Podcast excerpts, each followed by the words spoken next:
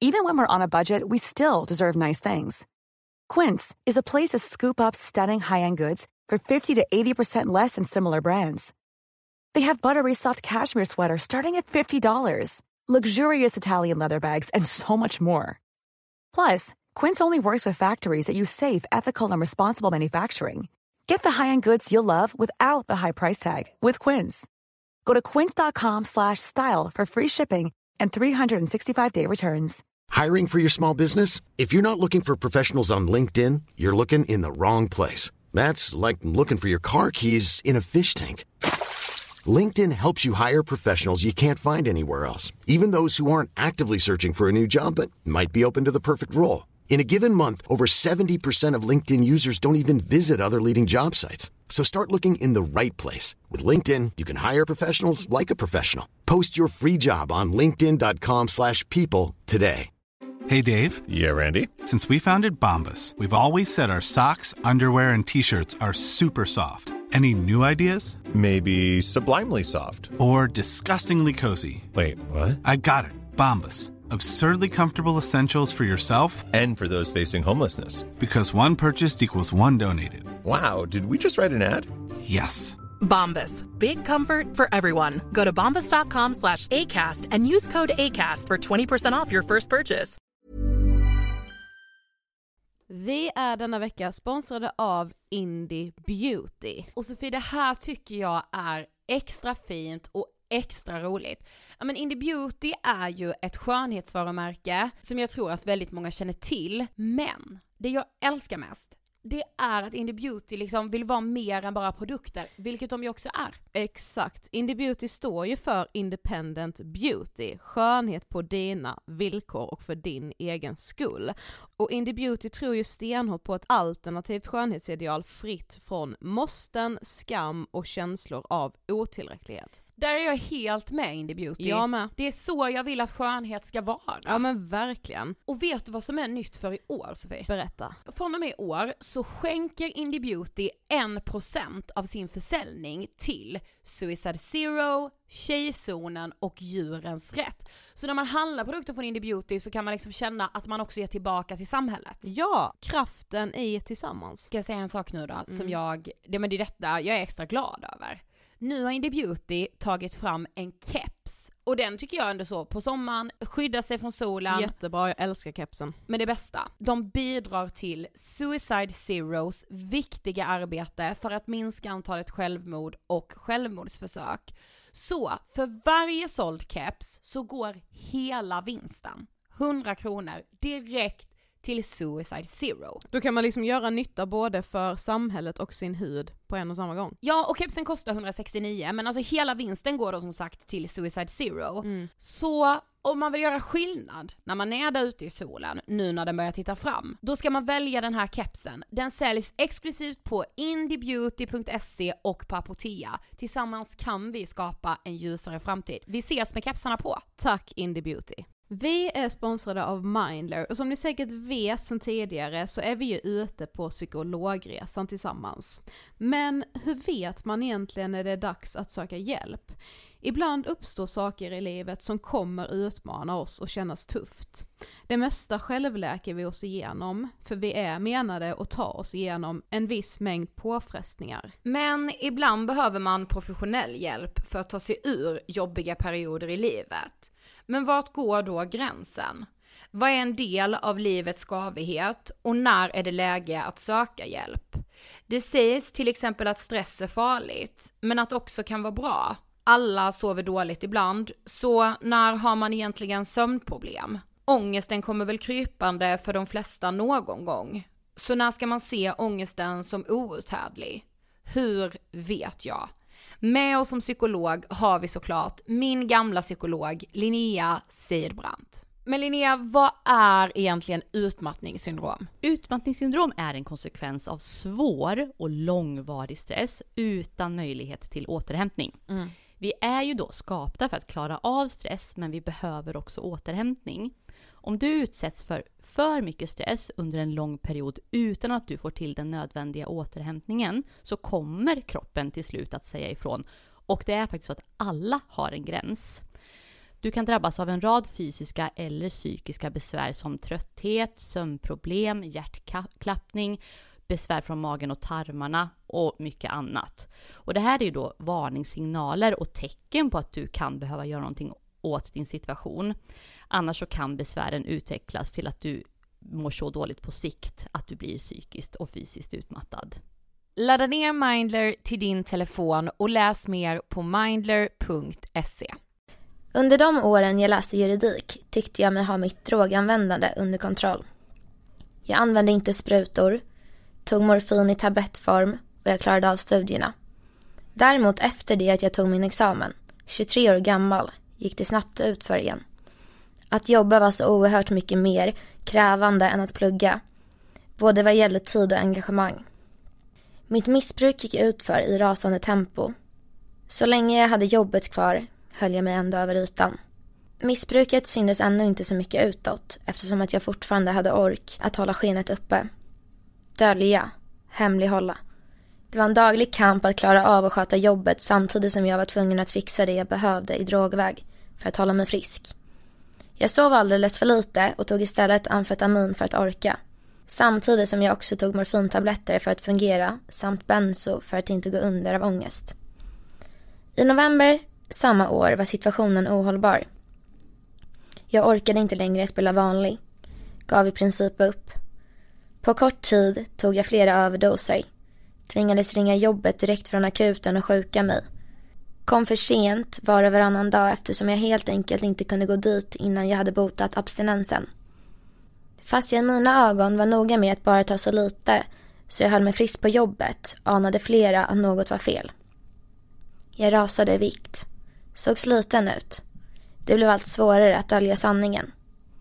I december hade jag samlat på mig så många IVM-anmälningar att SOS tvingade in mig på behandlingshem. I samband med det blev jag till slut också uppsagd, vilket ärligt talat kändes som en lättnad i det läget. Jag vägde 38 kilo när jag skrevs in på avgiftningen den gången. Det sades att jag inte hade överlevt helgen utan vård. Och ändå var det bara början på de sista årens helvete. Det du precis hörde kommer från ett inlägg på Instagram tillhörande en vanlig dag understreck utan understreck heroin som drivs av Jonna Solmer. Du lyssnar på Vi måste prata om droger och idag gästas vi av Jonna Solmer, före detta barnskådis och heroinmissbrukare.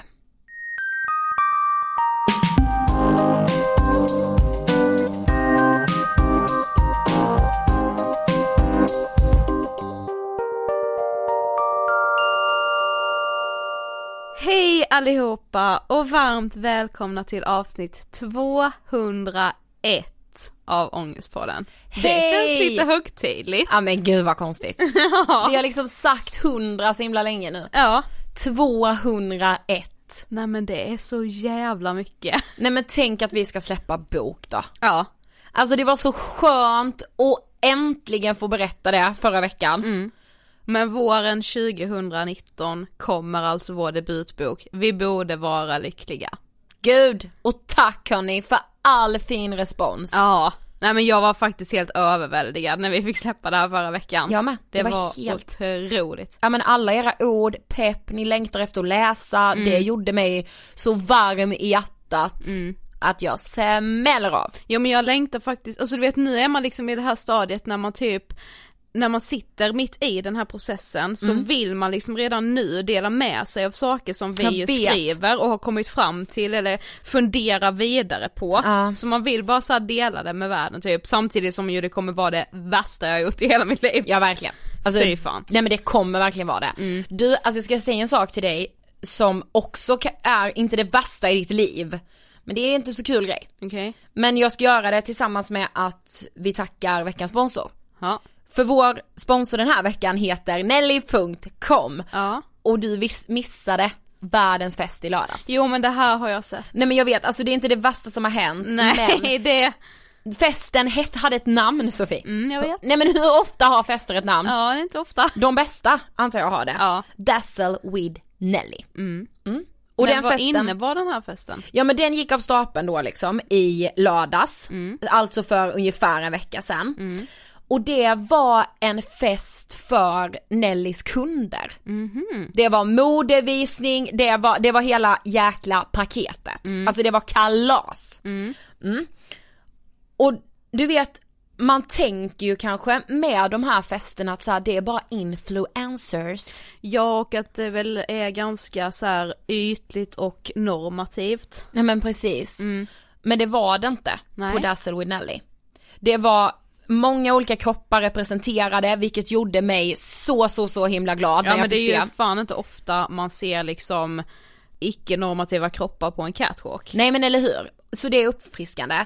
Det var 400 konsumenter inbjudna som hade då tävlat om biljetter till festen. Jag, se- alltså jag ser ju Sofie i folks ögon på den här festen hur kul de hade. Nej men jag, när jag tittat på bilderna, jag är så avis att jag inte var där.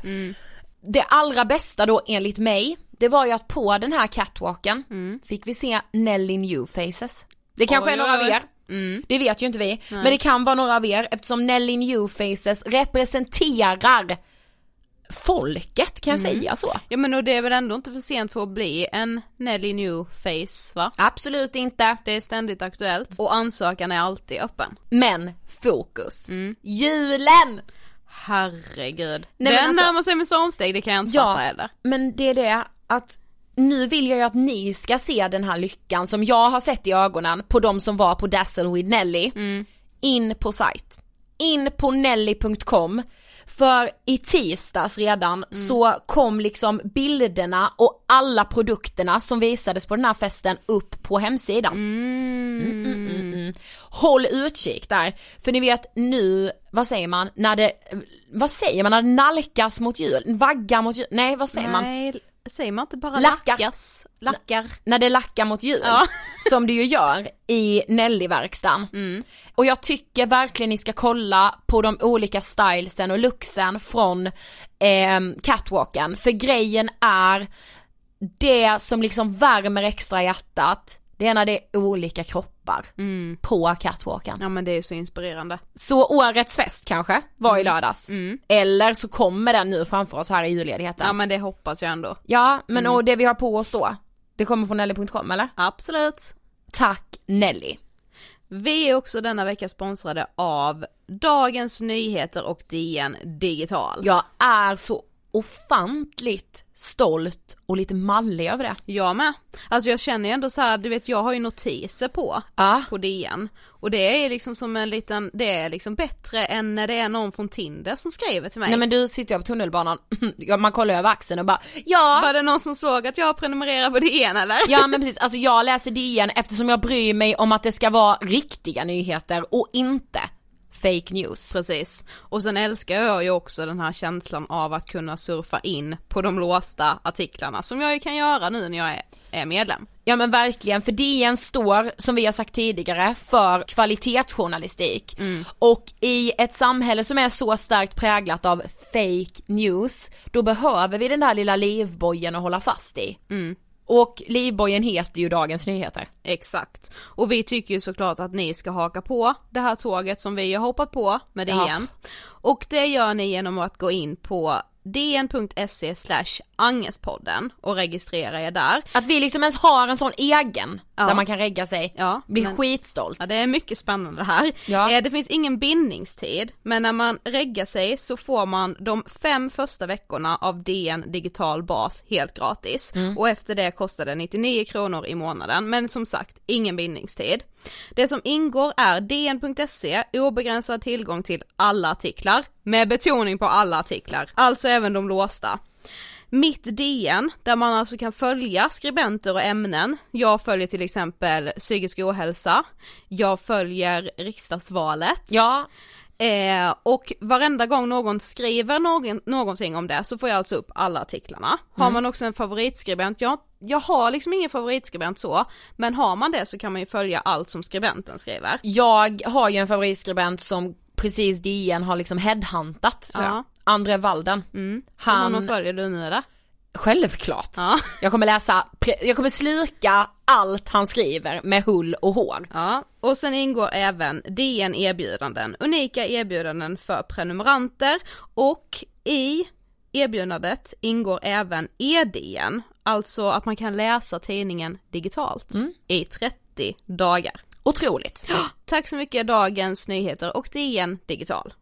Tänk att det är dags för en poddserie. Ja, det var länge sedan nu. Det var länge sedan. Och vet du vad jag ser framför mig när vi inleder de här poddserierna? Jag ser så här som en stor flaggstång framför mig. Och när flaggan är hissad, då innebär det att Ångestpodden är inne i seriemode. Ja, okej. Nej men ja. du fattar. Jo, jag fattar. Så se, se framför er nu, slut ögonen och se den rosa flaggan hissas. För vi kommer alltså kicka igång en ny serie. Och på flaggan står det alltså vi måste prata om droger. Ja. För det är dags att prata om droger. Nej men det är verkligen det och att göra den här serien har nog varit omskakande för både dig och mig. Mm. Eh, för att det har känts som verkligen så här livsöden att få ta del av. Men också ett liksom wake up call för hur samhället mår. Och när det kommer till biten med droger, ofantligt dåligt. Unga människor som hamnar i tunga beroenden tidigt i livet, som inte har någon respekt för droger, det pratas om att avkriminalisera vissa droger och, och liksom inställningen till droger har jag under tiden förstått. Alltså det skrämmer mig lite. Mm, det gör det för mig med. Men det har också varit en ögonöppnare på det sättet att man inser att drogbruk har ofta, ofta säger jag nu, en väldigt stark koppling till psykisk ohälsa.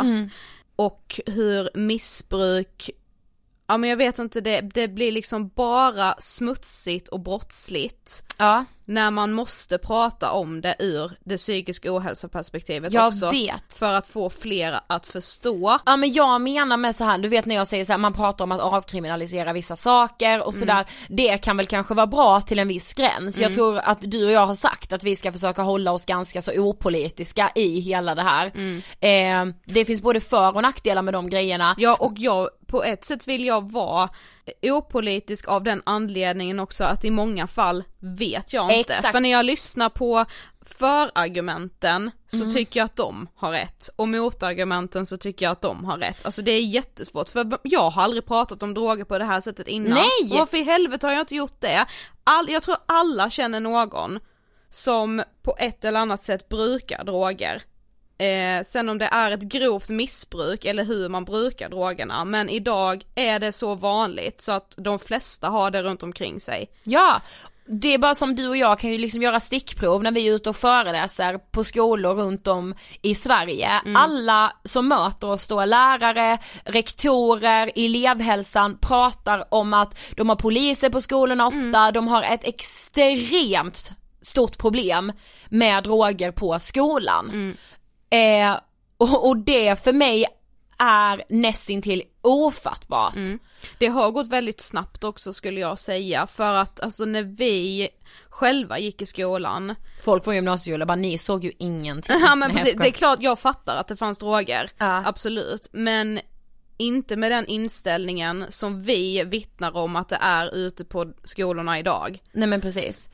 Men jag tycker vi ska introducera eh, den första gästen i vår serie. Yes. Eh, för ett år sedan tror jag ungefär så hittade vi det här kontot, du och jag, på eh, Instagram. En vanlig dag understreck utan understreck heroin. Precis, och vi blev fastnade ju i kontot direkt, vi satt och läste högt för varandra eh, om de här bilderna och så kände vi igen den här personen som heter Jonna Solmer. Tills vi ramlade över en bild på Jonna när hon var eh, 12 år. Eh, då hon faktiskt spelade in Lilla Jönssonligan i form av att hon var Doris. Harrys ju älskade tjej. Harrys älskade Doris. Ja. Eh, som vi har sett i Cornflakescupen och eh, ja men för oss är, Styvalina, Lilla Jönssonligan på Styvalina ja också. för oss är ju liksom Lilla Jönssonligan, men det är ikoniskt för mig, alltså Gud ja! det är så mycket nostalgi och barndom. Nej men precis, och att Jonna då, eh, som spelade Doris, att hon efter hon hade varit barnskådis blev heroinmissbrukare, hamnade i ett tungt missbruk av heroin som för mig alltid har varit och nog fortfarande är den så här tyngsta och värsta drogen du kan bruka. Mm, ja men det känns ju verkligen som den sista anhalten. Ja men verkligen. Mm. Det känns som liksom slutstation Mm. och sen är det döden liksom. Mm. Och hur hon så tidigt kom in i det också. Det var ju nästan liksom direkt efter Ja. inspelningarna av Lilla Jönssonligan. Och jag tror, gud jag blev verkligen så jätteberörd, men jag, eh, alltså för mig var det verkligen en hjälte som satt framför mig Mm. eh, när vi träffade Jonna i att hon, alltså att hon sitter och kan prata om det här idag Mm. trots sitt tunga, tunga missbruk hon har varit i. Eh, hon gick, hon har pluggat till jurist samtidigt som hon hade tungt missbruk, ni kommer ju få höra allting. Mm. Men att hon liksom satt framför oss och bara kan dela det här, pff, alltså jag finner typ inte ens ord. Nej men man, det är nog svårt att förstå modet i att göra en Mm. sån sak, eller att ens ha det instagramkontot som hon har, som ju började med en blogg. Som hette En vanlig dag med heroin. Ja. Eh, det, det, det är en styrka i det som man nog inte kan förstå om man liksom inte själv är i den situationen eller har varit i den situationen, eller känner någon som är i situationen. Precis. Men Sofie, jag tycker att vi rullar intervjun med Jonna Solmer om heroinmissbruket. Varsågoda! Hej Jonna och hjärtligt välkommen till Ångestpodden. Tack så jättemycket för att jag fick komma. Ja, det, vi är så glada för att du är här, Ja, ska du veta. mm. Vi har jag så är mycket lika glad frågor. för att vara här. Det ska bli jätteroligt att få prata en stund mer. Ja, det ska det. Mm. Men du, för de som inte vet, vem är du? Eh, jag heter Jonna Solmer och eh, vem jag är, det är svårt att svara på tycker jag eftersom en person har så många sidor. Jag är en för detta barnskådespelare. Jag är eh, för detta heroinberoende. Jag är metadonpatient. Jag är stora syster. Jag är sambo. Jag är kattägare. Jag är föreläsare. Eh, medförfattare eh, i Dogmer som dödar-boken om narkotikapolitik. Ja, Mm. det är svårt att, att 34-årig skåning, ja, svårt Mm. att sammanfatta men där Det någonstans. finns mycket. Ja. Eh, vad tänker du på när du hör ordet ångest? Ja, alltså ångest är någonting som jag skulle säga på något sätt har, har styrt genom mitt liv som en röd tråd. Det Mm. har liksom funnits där innan jag visste vad ordet ångest, att det fanns ett ord som hette ångest. Mm. Så kan jag i efterhand tänka tillbaka på min barndom och liksom identifiera tillfällen när jag har känt ångest. Även om jag då inte visste vad det var. Mm. Och eh, det har ju gått hand i hand med mitt missbruk. Mitt sätt att hantera ångesten var ju tyvärr då att jag kom i kontakt med droger och jag märkte att narkotika hade den effekten att det tog bort ångesten. Mm. Det var liksom som att trycka på en stoppknapp på en radio som hela tiden sände ut ångest i kroppen. Mm. Ja. Eh, så att jag valde ju själv medicinera den. Men så att nu när jag blir drogfri så är ju ångest någonting som jag, alltså inte dagligen kanske längre men i alla fall veckovis Mm. har liksom episoder som jag måste hantera. Eh, och ett av de största hindren till att eh, hålla mig drogfri och alltså det som har gjort, det jag har fått jobba mest med i min drogfrihet så har ångesten varit liksom eh, det momentet jag har jobbat mest med. Mm. Men ja men som sagt, alltså idag ska vi liksom prata om drogmissbruk och i ditt fall då heroin. Ja. Ehm, och det, är så, det känns så himla bra att börja hela vår serie om droger med dig och just att ha den vinkeln först. För den känns ju viktigast på något sätt. Eh, men innan vi liksom går in på det så kände vi ändå att vi liksom vill prata lite om din barndom. Och ja men som sagt, du är ju liksom en väldigt välkänd barnskådis eftersom du spelade Doris i Lilla Jönssonligan. ja, precis. Eh, och när vi eh, hittade ditt konto på Instagram en vanlig dag utan heroin, då kände vi igen dig direkt. Vi Gjorde bara, ni det? Ja, Ja, du vet, det är ju. Doris! Ja. Alltså på bilden? Ja. På mitt ansikte nu? Ja. Från när jag var ja liten? gud! Oj! Ja. Det ser Vad häftigt. Vad häftigt. Ja. Det, är Ja. ganska, det är faktiskt inte, inte jättemånga. I alla fall inte vad jag har fått höra Nej. så. Som jag känner igen utan det är många som bara va? Oj, har du varit barnskådespelare? Jag Det tycker man ser det ingen aning om. Men det, alltså, det Men kanske... det beror på kanske om man har sett filmen eller Ja men inte. lite Ja. så, alltså jag har liksom, för mig, det var ju mina favoritfilmer när jag var liten. Alltså jag har ju sett dem Ah. tusen gånger. Ja. Okej. Så det är verkligen så. Men alltså hur, hur blev du liksom Doris? Hur fick du den rollen? Eh, jag tyckte om att spela teater när jag var liten. Eh, jag tyckte på något sätt, jag tyckte om känslan av att, att kunna släppa mitt eget jag och gå in, in, gå in i en roll och vara någon annan. Eh, alltså redan där kanske det var en form av att hantera ångesten när jag visste att det var ångest det handlade Ja, om. ja. Men känslan av att okej nu är jag inte mig själv för en stund utan nu får jag spela någon annan. Mm. Så att jag gick på teaterskola och, så, och sånt där när jag var liten.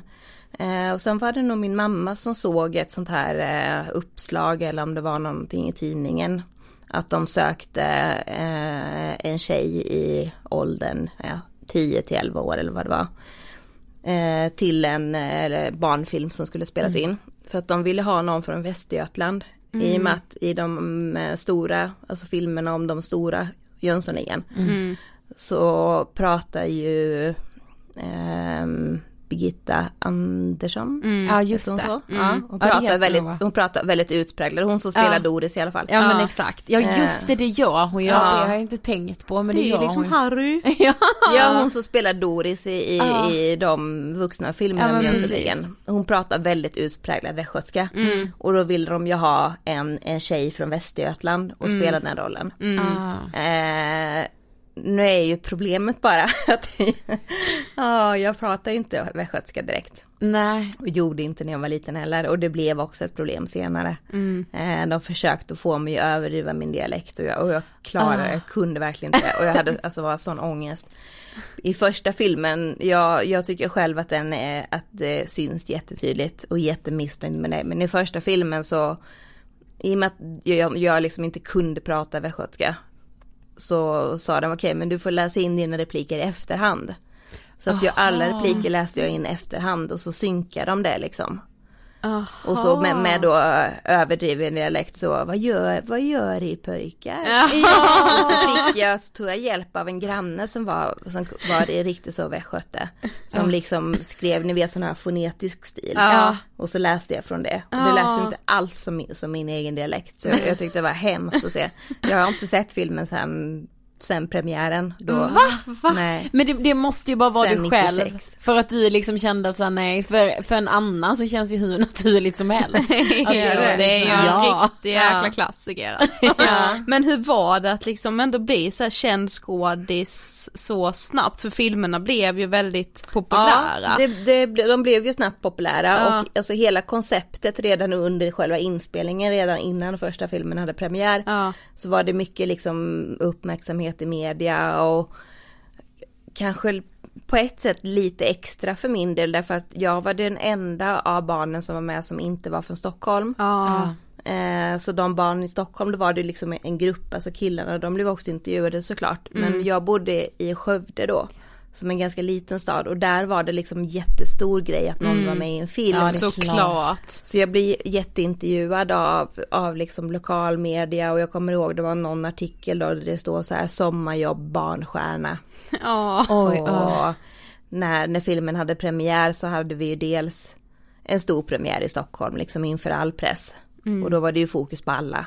Men sen hade, hade Skövde då en egen premiär. Där, där med röd matta och sånt där det liksom bara var Skövdes egen stjärna då. Alla var så stolta. Ja, precis. Ja. Ehm, och många så här som ville Alltså som ville vara kompis liksom bara för att de tyckte att det var häftigt att jag var med i film. Ja det är klart. Eh, och, och fråga så att, ja men kan inte jag få följa med och titta på när du spelar in och jag hade någon kompis som fick följa med och sådär också. Mm. Ehm, Det var mycket uppmärksamhet och bekräftelse. de två orden var exakt vad jag skulle säga, uppmärksamhet och bekräftelse. Mm. Eh, och på, på ett sätt skulle jag säga att jag ändå mådde ganska bra under de åren. Och i och med att det blev en uppföljare så Ja. var det ju det här ändå en ganska lång tid av min barndom. Ja. Från att det började när jag var eh, 11 tror jag. Och sen så hade jag precis fyllt 14 eller om jag var var 13 och snart skulle fylla 14 när andra filmen hade premiär och allting Mm. tog slut. Mm. Så att liksom sett då eh, i 14 års ålder så har jag hållit på med det här i fyra tid. Då är det ändå en tredjedel av mitt liv. Ja ja, och Alltså, då bara tar det alltså slut. ett år i den åldern är ju jättelänge. Ja. Ja, Mm. verkligen. Och jag hade liksom levt med det här så länge och jag hade liksom gått och burit på den här känslan av att av, av att det hände någonting som var spännande, det var hela tiden nästa grej, det var liksom att åka upp till Stockholm för pressträff och Mm. jag fick ju bo hemma hos eh, en av medproducenterna till filmen Ja. och, och hans fru eh, på somrarna, Ja. två somrar i rad eftersom eh, jag inte kunde hålla på och åka tåg liksom fram och Mm, tillbaka är från. Skövde. Så att även mellan tagningarna så gjorde vi ju jättemycket kul ihop Mm. Ja. och ihop med de andra skådespelarna. Vi hade en, en guvernör tror jag det kallades, jo guvernör, som var med eh, som läxhjälp då eftersom vi missade skolan lite Aha. grann. Och vi, de ordnade massa roliga saker, vi fick så här, åka go-kart och gå på Gröna Lund och Ja. liksom göra massa kul. Så att jag, jag fick ju väldigt mycket kompisar där också. Ja. Mm. Som jag sen ganska tvärt tappade kontakten med. ja, det är klart. Ehm, Ja, för jag tänker vad Ja. hände liksom då efter hela det här? När det helt plötsligt bara tog slut. I boken Dogmer som dödar så beskrev du att så här, det blev en sån jäkla tomhet. Ja, verkligen. Ja. Eh, tomhet är, är ett bra ord liksom att sätta på det. Mm. För att innan hade det, och så länge det varade så hade man liksom hela tiden något, något nytt att se fram emot. Ja. Mm. Att nu är det premiär och, och sen är det manusläsning och sen är det klädprovning och så vidare och så vidare. Men när allt det tog slut så upplevde jag en jättestor tomhet i kroppen. Alltså det hände ingenting spännande längre. Livet kändes liksom bara grått och tråkigt och det var liksom ingenting som kändes roligt. Och nu i efterhand när jag vet liksom vad ångest och, och depri, depressiva episoder liksom att vad det är för någonting så fattar jag ju att jag, jag blev antagligen deprimerad. Mm. Jag kanske höll det på avstånd under tiden liksom det här med filmningarna pågick. Ja. Men det, det slog ut då i alla fall. Mm. Men du började dricka alkohol väldigt tidigt. Eh, ja, jag började dricka alkohol och, och, och prova liksom Vi kollade hemma i föräldrarnas badrumsskåp och så här kolla, jag vet Vi tog, provade en del tabletter och, och provade röka hasch och sånt där. Från att jag var kanske 12 ungefär. Men hur, hur kommer det sig liksom, hur hamnade du där? Jag skulle nog säga att det, att det också är det här eh, Den här spänningssökande, liksom flykten från verkligheten. Alltså allting, alla sätt Att, att fly från verkligheten, att stänga av känslor Mm. eh, allting som får mig att slippa känna har liksom varit tilltalande och lockande. Mm.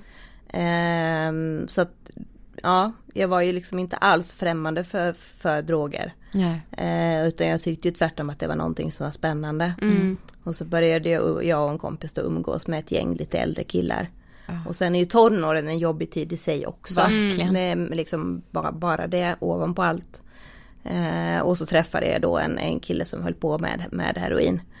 Så att mitt missbruk Eh, alltså det, det eskalerade ganska snabbt annars är det ju kanske vanligt att man håller på med andra droger liksom Ja, och sen så slutar Ja, det med eller att man heroin. bara, drick, bara dricker alkohol Ja. under en ganska lång tid innan man känner så här, nu måste jag ha något mer än Ja, alkohol. precis.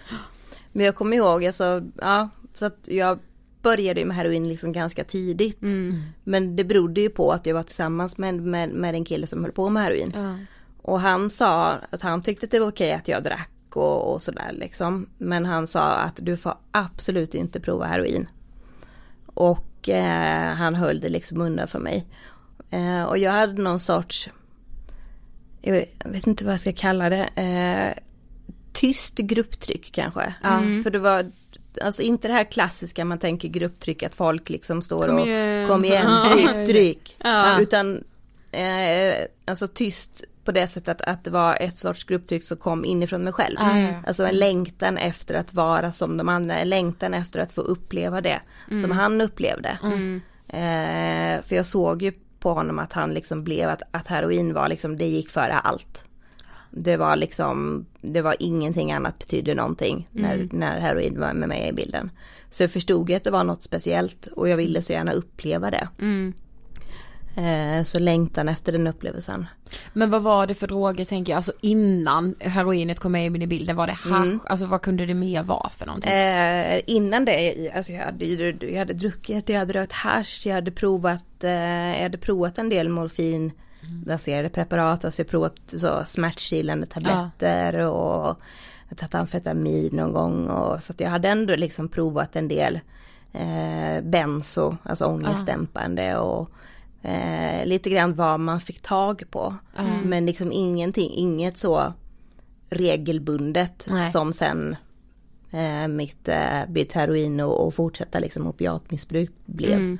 Utan då var det mer liksom vad, vad har vi fått tag på denna helgen, vem har Ja, ja, hittat ja. någonting. Mm. Så att jag hade ju provat en del men jag minns Alltså första gången jag provade heroin så, Mm. så tog jag heroin bakom, ja, Lukas då som han hette, bakom hans rygg och provade själv. Eh, och jag vet att jag kräkte så otroligt mycket. Mm. Jag låg i en soffa. Och varje gång jag bara vände på huvudet så bara kräktes jag. Och så kändes det som att luften vägde 100 kilo. Så jag kunde inte resa mig. Mm. Så fysiskt sett så var det ju kanske en ganska obehaglig upplevelse. Och jag kommer till och med ihåg att jag själv tänkte att oj jag kanske dör nu. Men alltså inte på något skrämmande sätt utan bara liksom ett, ett konstaterande precis som att om man trampar i en vattenpöl, oj jag blir blöt om fötterna. Ja. Eh, på, på det sättet liksom, oj jag kanske dör nu.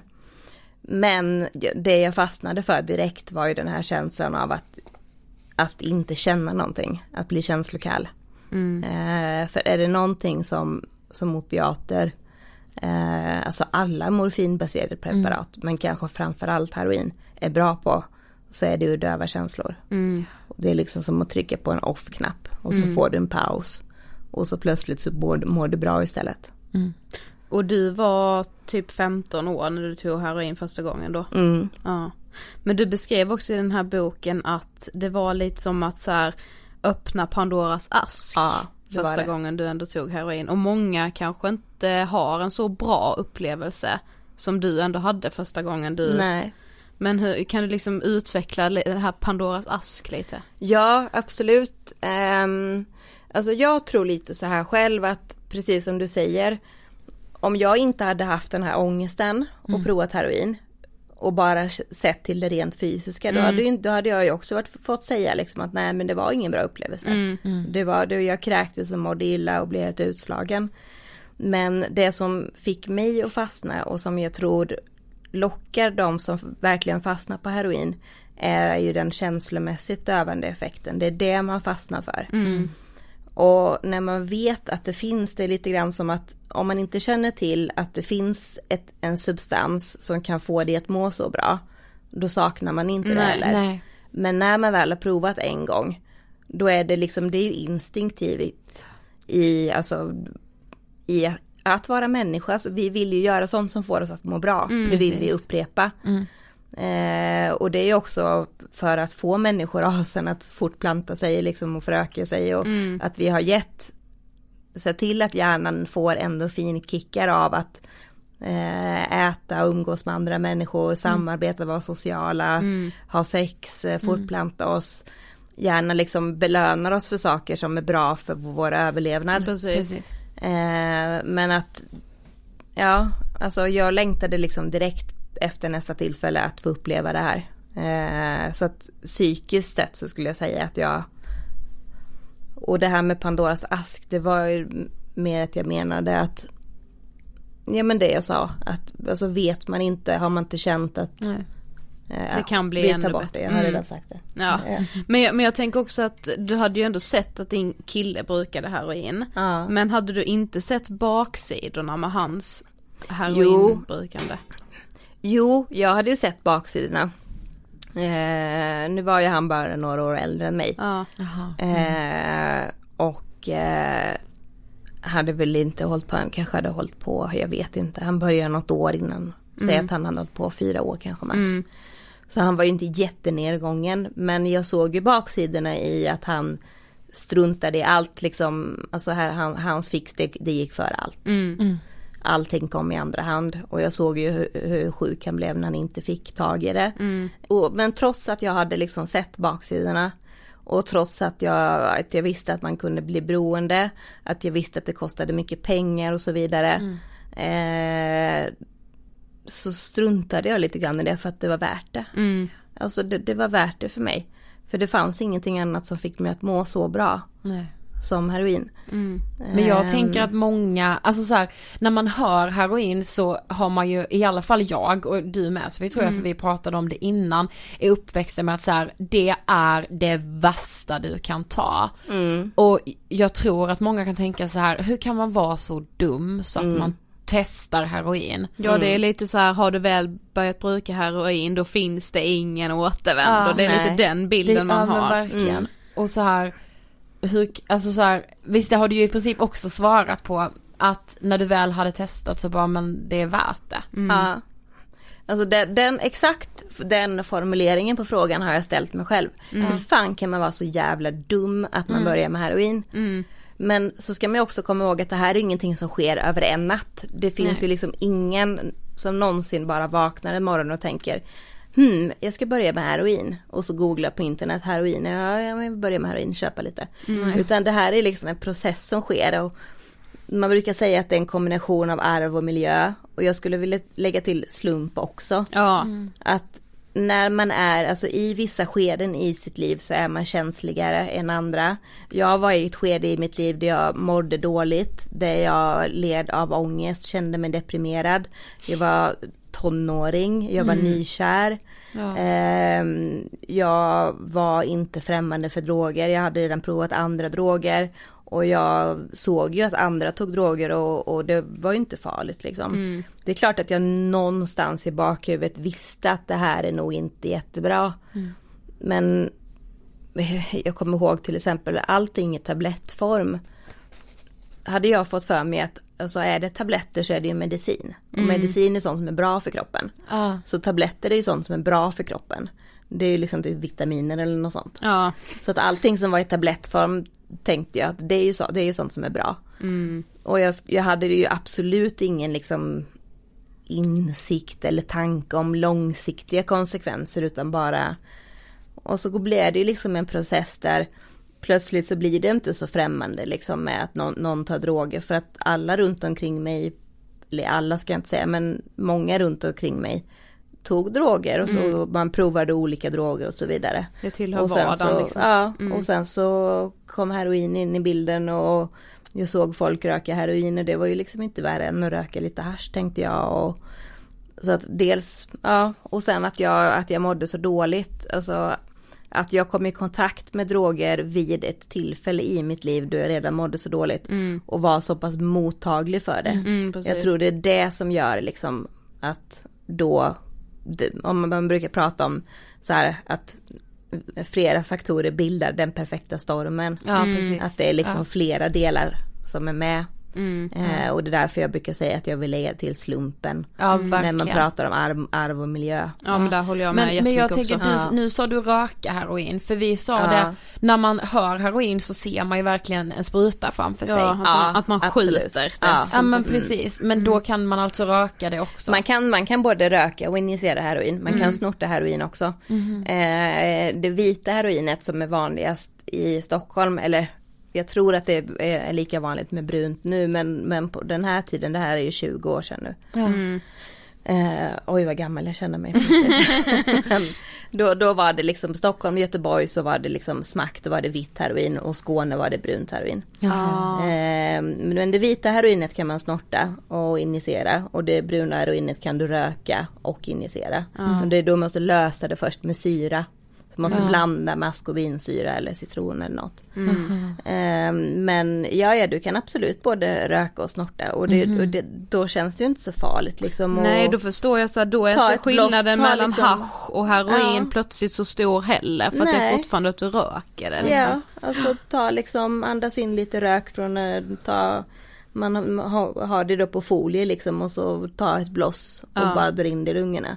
Det känns liksom inte alls särskilt stor grej. Nej precis. Och sen börjar ju, övergår ju de flesta till att injicera förr eller senare.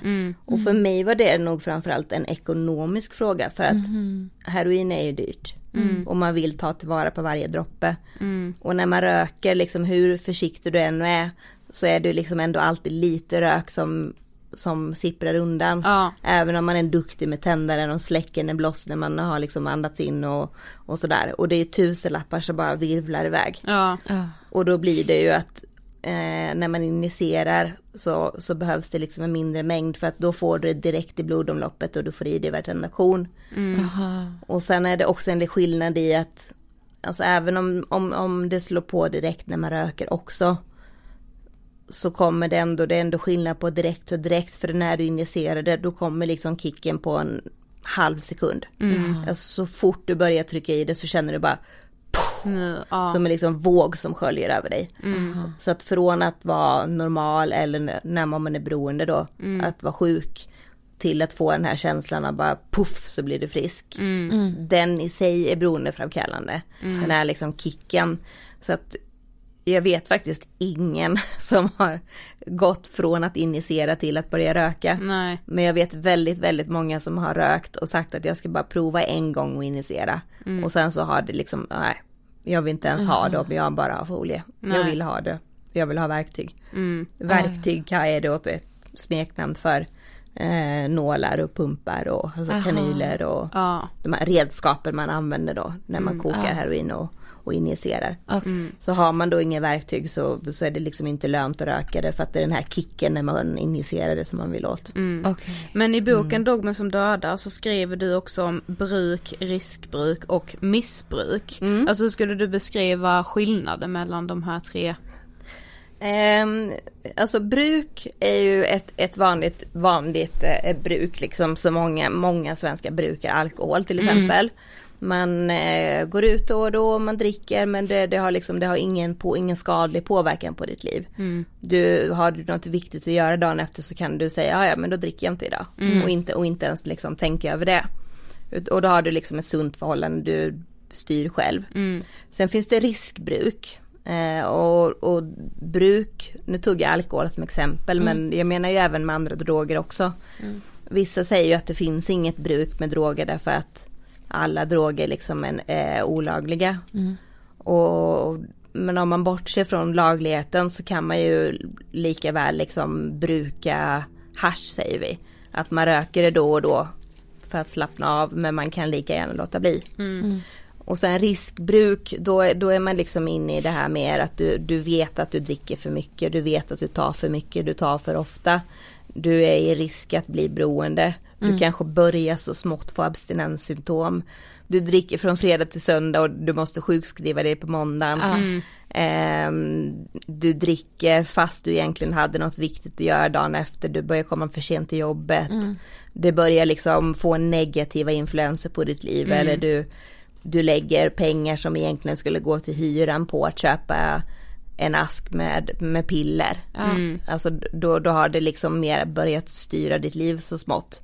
Men du är fortfarande inte kemiskt beroende så att du blir abstinent om du inte tar. Men, men du liksom börjar bli psykiskt beroende.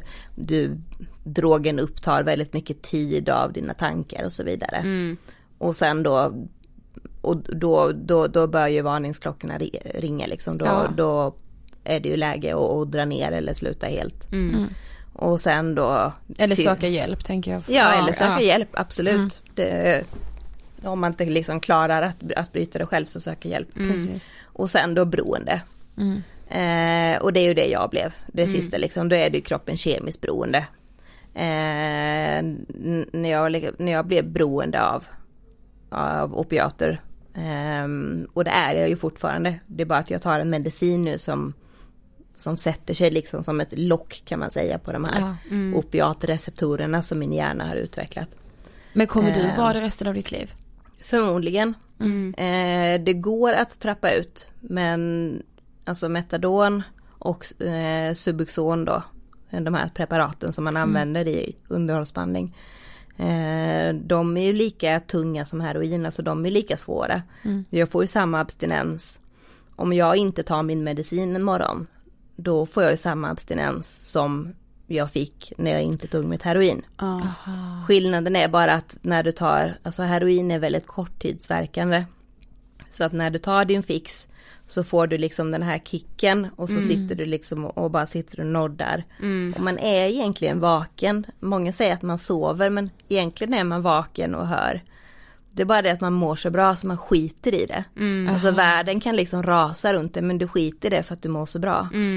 Och det varar, det varar ganska kort stund, några minuter på sin höjd. Och sen så, sen så mår du liksom bra i, och så lägg, går, går det neråt och neråt och sen efter en åtta timmar ungefär så, så börjar du liksom känna precis som innan man blir sjuk. Man börjar känna sig liksom obehagligt till mods, man känner sig låg, man börjar svettas och så vidare. Och då måste man fylla på.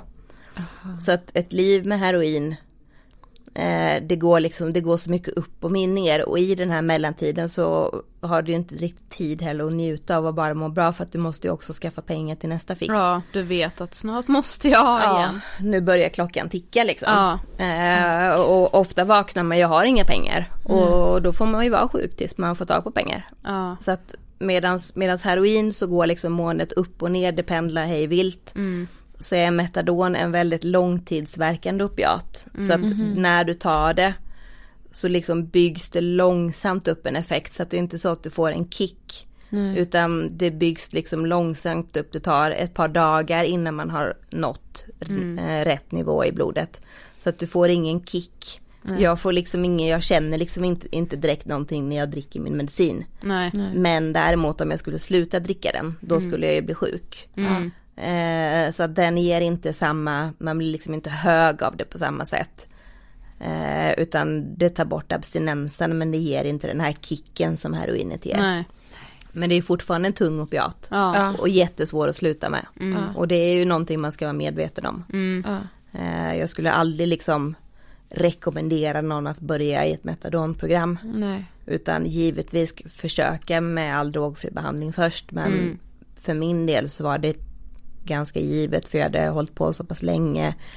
Ehm, alltså jag hade provat så många behandlingar och misslyckats och, och sen så, jag vet inte, jag, jag kunde liksom bara inte tänka tanken på att vara, att vara ut, helt utan opiater i kroppen. Nej. Eh, Så det visste jag ju, det visste jag att det här är ju mycket möjligt en livslång behandling. Men samtidigt kan jag leva ett, ett värdigt och Ja, fullt precis. fungerande liv. Liksom. Precis. Precis som en diabetiker måste ta insulin. Ja, men bara- så jag får till och med köra bil. Så att det, det är liksom uppenbart att man inte blir påverkad Nej men av metadon på det sättet. Men vi tänker så här, om någon lyssnar och hör så här heroinmissbrukare, då ser man framför sig en person som verkligen är i samhällets utkant, alltså att man ser på personen att den missbrukar. Men du var liksom högpresterande medan du drogade. Ja. Alltså så här, du pluggade till jurist. Ja. Alltså hur, hur gammal var du då? Berätta om det, här, det känns helt otroligt. Det känns Ehm, omöjligt. ja. Eh, ja, jag har alltid haft jättelätt för mig i skolan. Ja. Ehm, vi bodde i Schweiz ett par år när jag var liten. Och där börjar man i skolan när man är fyra ungefär. Så att jag hade egentligen redan gått ett par år liksom i, i förskola och skola i Schweiz och jag kunde, kunde liksom läsa och skriva och sånt där. Så att redan från när jag började ettan så hade jag lite så försprång. Eh, och jag har alltid haft väldigt lätt för att, att lära mig. Alltså, hör jag en sak så kommer jag ihåg det sen. Så att står läraren och berättar liksom så kommer jag ihåg det så jag har aldrig behövt liksom läsa böckerna och sånt där. Ehm, så att det har aldrig varit någonting som har kommit väldigt lätt för mig. Sen i högstadiet, ehm, kanske när jag var 12-13 år sådär, i samband med att börja dricka alkohol och sådär. Eh, så börjar jag bli lite så här utåtagerande. Jag vet att alltså jag och jag och en annan tjej, vi, vi mobbade en tjej ganska så, så illa faktiskt. Eh, vilket är ja, ett av de här ångestoken jag bär på idag. Att vi, vi gjorde henne väldigt illa. Och vi blev inkallade till rektorn på grund av det och, och så. Men när jag upptäckte, upptäckte heroin sen i slutet av högstadiet. Då tyvärr så blev ju effekten, alltså upplevelsen för mig blev ju att det här var någonting som var bra för mig därför att jag blev lugn. Mm. Jag blev fokuserad. Jag orkade sitta still i skolan. Jag slutade mobba, jag sket fullständigt i henne liksom. Jag bara satt där i min egen värld. Och jag kunde ju fortfarande lyssna och, och liksom la de ett matteprov framför mig så kunde jag fortfarande skriva det. Mm. Ehm, så att alltså vissa ämnen påverkades lite, påverkades lite, gympa till exempel var ett sånt ämne, där var jag liksom precis på gränsen att få IG. Aha. Ehm, men i, i, alltså om man tänker rent så här ämnen som, som matte och, och samhällskunskap och så, där man bara sitter och tar emot information Ja. och sen spottar ut sig det på papper. Mm. Det, det liksom klarade jag av och, och på ett sätt så blev det nästan bättre när jag tog heroin därför att då orkade jag mer. Ehm, och jag ville ju vara högpresterande för att det var ju, ett- alltså ända sedan jag var liten så har det liksom varit en stor del av min identitet. Ja. Jag är äldst av fyra syskon, jag är en stora syster. Jag är liksom duktig stora syster, har alltid varit duktig i skolan. Mm. Det jag har liksom känt att om jag inte, om inte jag är duktig i skolan och, och sådär, vad är, vad är jag då liksom? Ja. Ja. Det är det som är min, min identitet. Mm. Så att heroinet hjälpte mig. Och samma i gymnasiet sen. Eh, alltså jag ville ju väldigt gärna få bra betyg. Ja. Och det hjälpte mig att, att orka liksom. Orka, orka plugga. Eh, juristutbildningen, att jag sökte till den, alltså det, det var faktiskt en slump. Ja. Eh, jag hade efter studenten så fick jag ett eh, ja, sommarjobb i en affär som fortsatte in på hösten, jobbet. Men eh, blev uppsagd därifrån därför att vi misskötte oss och jag, jag och ett par andra stal en massa grejer där inne och vi satt i fikarummet och, och rökte brass och drack alkohol och sånt där, Oj. liksom. Ja. Så att jag blev uppsagd och polisanmäld. Det blev faktiskt ingenting sen. eh, För de hade ingen bevis så att åtalet lades ner. Mm. Eh, Men jag blev i alla fall polisanmäld så jag hade ingenting att göra. Ehm, Och så började jag tänka på, ja men plugga vidare. Och så tänkte jag, alltså det här med att jobba är ju ändå jävligt jobbigt för att man måste vara på ett ställe mellan, säg klockan åtta och fyra och man måste vara där varenda jävla dag. och liksom, du måste komma i tid varje morgon. Eh, så att för mig kändes plugga som, en, som den lätta utvägen. Ja. Därför att där bestämmer du själv. Har du lektion så, så har du kanske lektion två timmar om dagen. Sen är du ledig. Mm. Juristutbildning. Ja, ledig. Men Ja, man får ju sin Juristutbildningen också känns ändå så här. Nej jag, jag vet alltså nu i efterhand att alltså, den är ju känd för att vara svår. Men, men jag, ärligt talat jag tyckte faktiskt inte det. Nej. Eh, och jag fick i och för sig inget toppbetyg. Då, då är det kanske svårt om man hela tiden ska få toppbetyg. Men jag klarade ju mig i alla fall. Ja. Ja. Och juristutbildningen den är, den är väldigt mycket upplagd så att under terminerna så, ja du går ju på föreläsningar och, och sådär, du får böcker du ska läsa. Men sen har du en sluttenta va? Mm, ja. Och det är då det gäller. Mm. Så att jag kunde ju i princip vara, bara- vara hemma en månad liksom och göra ingenting. Bara jag, och sen så tog jag amfetamin och så satt jag uppe dygnet runt en vecka innan tentan och liksom memorerade allting som jag skulle kunna och så gick jag till tentan och så spottade jag ur med det. Mm. Så att jag skulle inte säga att jag kommer ihåg så mycket av det nu men, Nej. men jag klarade liksom av det. Det är en, en förmåga som min hjärna har som hjälpte mig. Men du- du kunde alltså vara påverkad av amfetamin eller heroin när du skrev tentor? Eh, ja, alltså jag tog amfetamin. Eh, amfetamin är någonting du tar liksom, alltså en uppåtdrog. Någonting du tar för att hålla dig vaken och så vidare. Så det tog jag ju för att kunna vara vaken i dygn i sträck och orka plugga. Eh, heroin vid det laget, eh, just då så tog jag faktiskt inte heroin utan jag tog någon annan morfintablett. Eh, det finns ju, ja allting är ju morfinbas liksom. Det finns ju massa olika sorter. Eh, smärtstillande. Det fick ju mig vid det laget, när man är kemiskt beroende, då fick ju det mig att bli normal. Mm. Så att det, det var ju aldrig någon som märkte att jag, om jag var påverkad. Däremot om jag inte var det, då blev jag ju jättesjuk. Ja. Ehm, Men jag, att, ja. liksom sen fick du jobb som familjejurist. Mm. Och jag tänker så, alltså det känns ju med, det kanske också är en fördom men det känns ju också som när man har brukat droger så länge så har man ju också en bild av att det borde synas väldigt mycket på det yttre. Alltså så här, men, men det syntes inte på dig. Um, alltså jag tänker nej, typ såhär med hur man klär ja. sig, att man sminkar ja, sig, alltså att man bryr sig ändå om hur man ser ut, att vara fräsch och representabel liksom. Mm. Där har vi en, en väldigt stor brytpunkt i mitt beroende. Mm. Um, att fram till dess så hade jag liksom alltid, jag hade jag jobbade och tjänade lite pengar, jag hade pojkvän som hade pengar, jag hade liksom någon som kunde förse mig med eh, tabletter och heroin och sådär. Mm. Ah, okay. Men när, ska vi säga, jag, tog, jag tog juristexamen när jag var eh, 23 ah. och började jobba. Och det var ju för att det var ju den naturliga fortsättningen på livet. Jag har tagit min mm, examen precis. nu, det är klart jag börjar jobba. Ja. Men det blev ju också problem direkt. Mm. För att du förväntas vara på en arbetsplats. Och det funkar jättebra så länge jag hade tillgång till droger. Mm. Men när ja, min dåvarande pojkvän eh, åkte fast.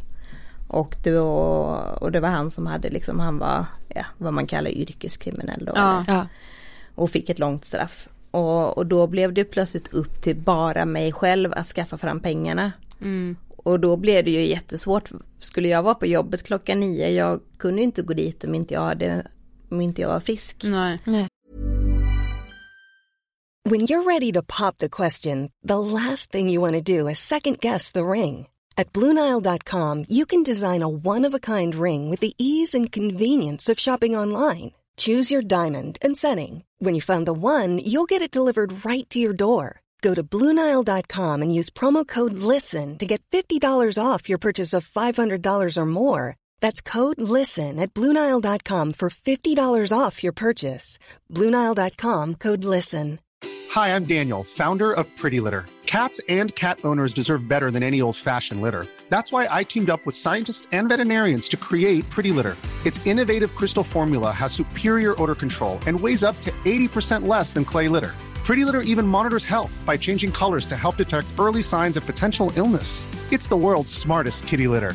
Go to prettylitter.com and use code ACAST for 20% off your first order and a free cat toy. Terms and conditions apply. See site for details. Hiring for your small business? If you're not looking for professionals on LinkedIn, you're looking in the wrong place. That's like looking for your car keys in a fish tank.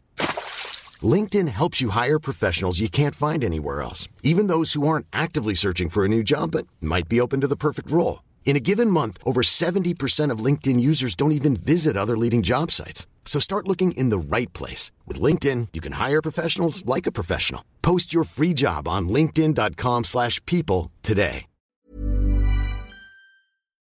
Så att, alltså när jag väl var frisk eh, och hade mina droger och, och, och, hade liksom piller i kroppen så gjorde jag ju ändå ett bra jobb, så jag kunde ju juridiken bakom det. Mm. Och jag fick ju beröm ett par gånger för att jag gjorde ett bra jobb och så. Mm. Sen fick jag också kritik ett par gånger för att vissa, hade, vissa kunder hade tyckt att jag verkade liksom lite väl borta i huvudet och att jag det var nog till och med någon som såg och sa att jag hade sett påverkad ut och så. Mm. Um, så att det funkade ju inte särskilt länge. Um, men för mig var, alltså så länge jag pluggade så kunde jag ändå upprätthålla, alltså upprätthålla en fasad utåt. Det vill säga att jag hade hela och rena kläder. Mm. Um, jag brydde mig om, liksom skötte min hygien, tvättade Mm. håret, sminkade mig och så vidare. Och då var, det, då var det liksom ingen som märkte någonting. Men i takt med att jag, dels att jag behövde mer och mer. Mm. Och jag, jag försökte sluta många gånger under den här perioden. Nu pratar vi om liksom från när jag var 15 till 25 Mm. i ett svep. Alltså det är ju åratal under den här perioden. Precis. Fram och tillbaka, fram och tillbaka. Jag försökte sluta och jag, jag gick på Subutex ett tag. Och sen så gick jag på Tramadol något år och så vidare. Mm. Eh, men om vi klumpar ihop det lite grann Ja. så blir, blir ju beroendet liksom värre och värre. Det blir tyngre och tyngre. Du behöver högre och högre doser. Ja. Och ovanpå allt det här att min, min pojkvän som, som hade hjälpt mig liksom ekonomiskt försvann ur bilden. Ja. Så orkade jag helt enkelt inte bry mig längre. Nej. Alltså fram till dess ha- hade det ju varit viktigt för mig att ingen visste Mm. att göra det.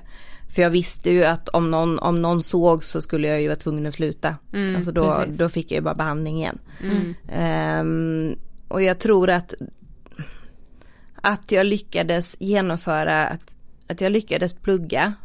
Det var nog lite grann som ett frikort att jag fick knarka i fred därför att så länge det såg bra ut på pappret att ja men hon klarar ju skolan Mm. Så är det liksom ingen som lägger sig i riktigt Nej. på samma sätt. Och kanske så ett bevis för dig själv också att men vadå så länge jag klarar av skolan så kan jag ju visst det brukar Ja, jag har inget drog- problem. Nej Ja, det går ju liksom. Ja, Mm. jag klarade skolan för, för att jag knarkar liksom. Ja, och hade jag inte precis. knarkat hade jag aldrig klarat det. Ja.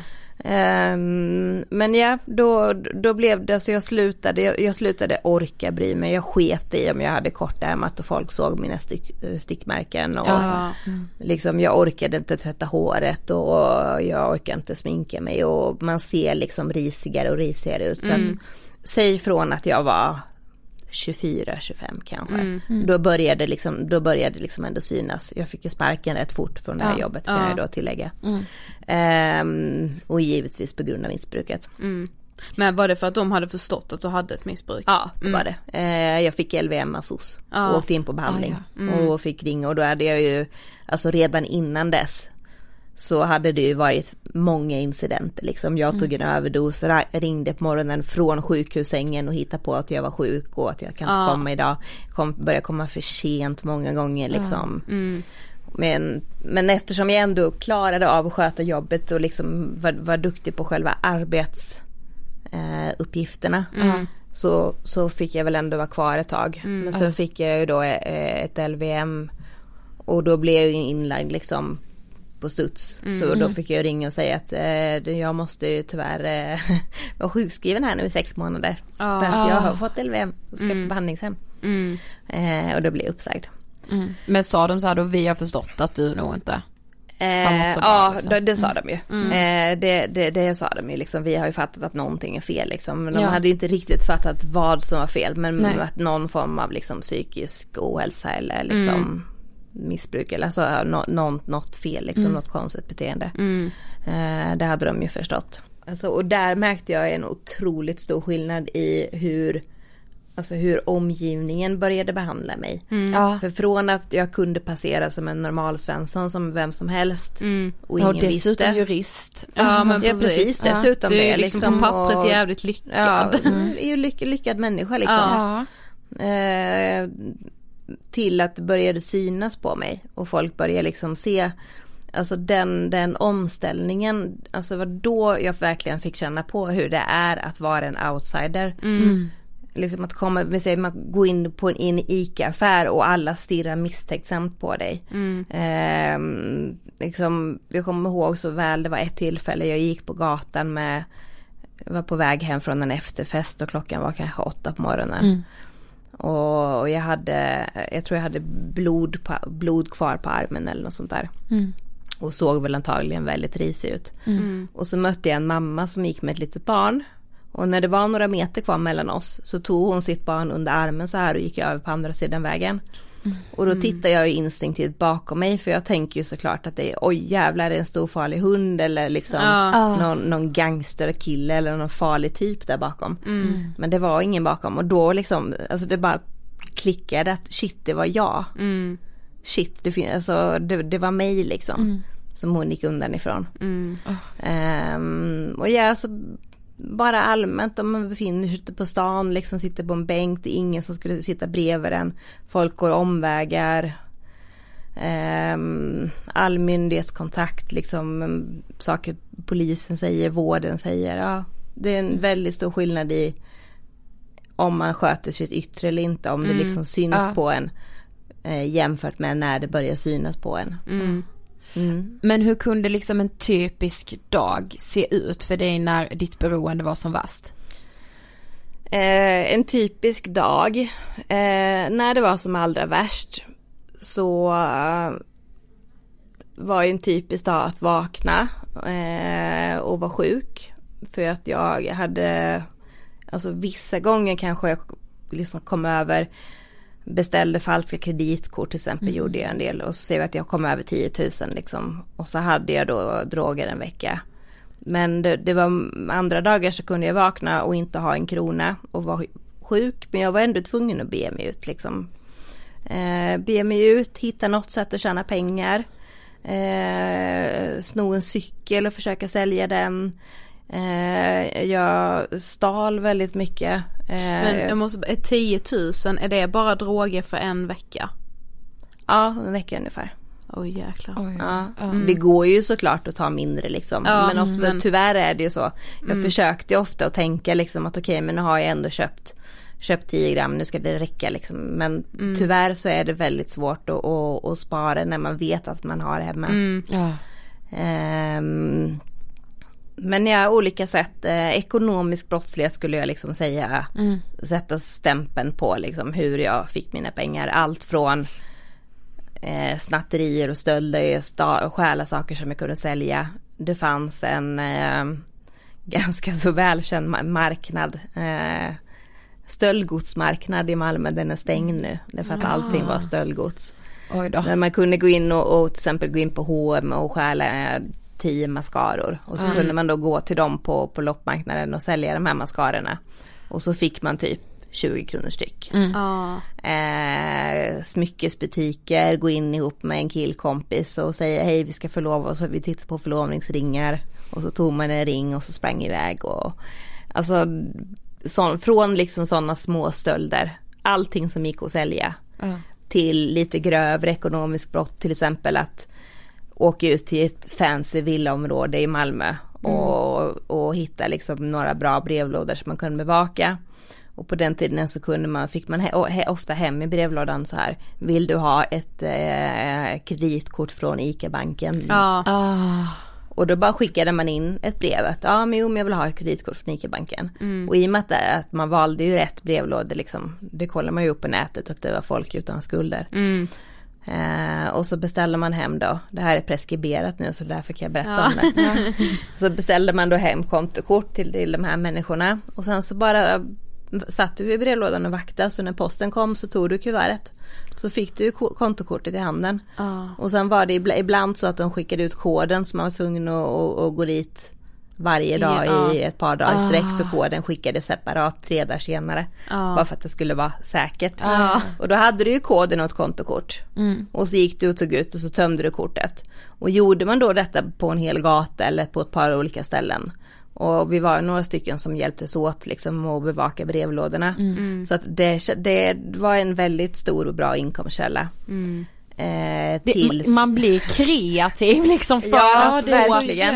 Ja, eh, att man är inte dum liksom. Nej men precis. Nej. Att ändå komma på det och så bara så här gör vi. Ja. ja.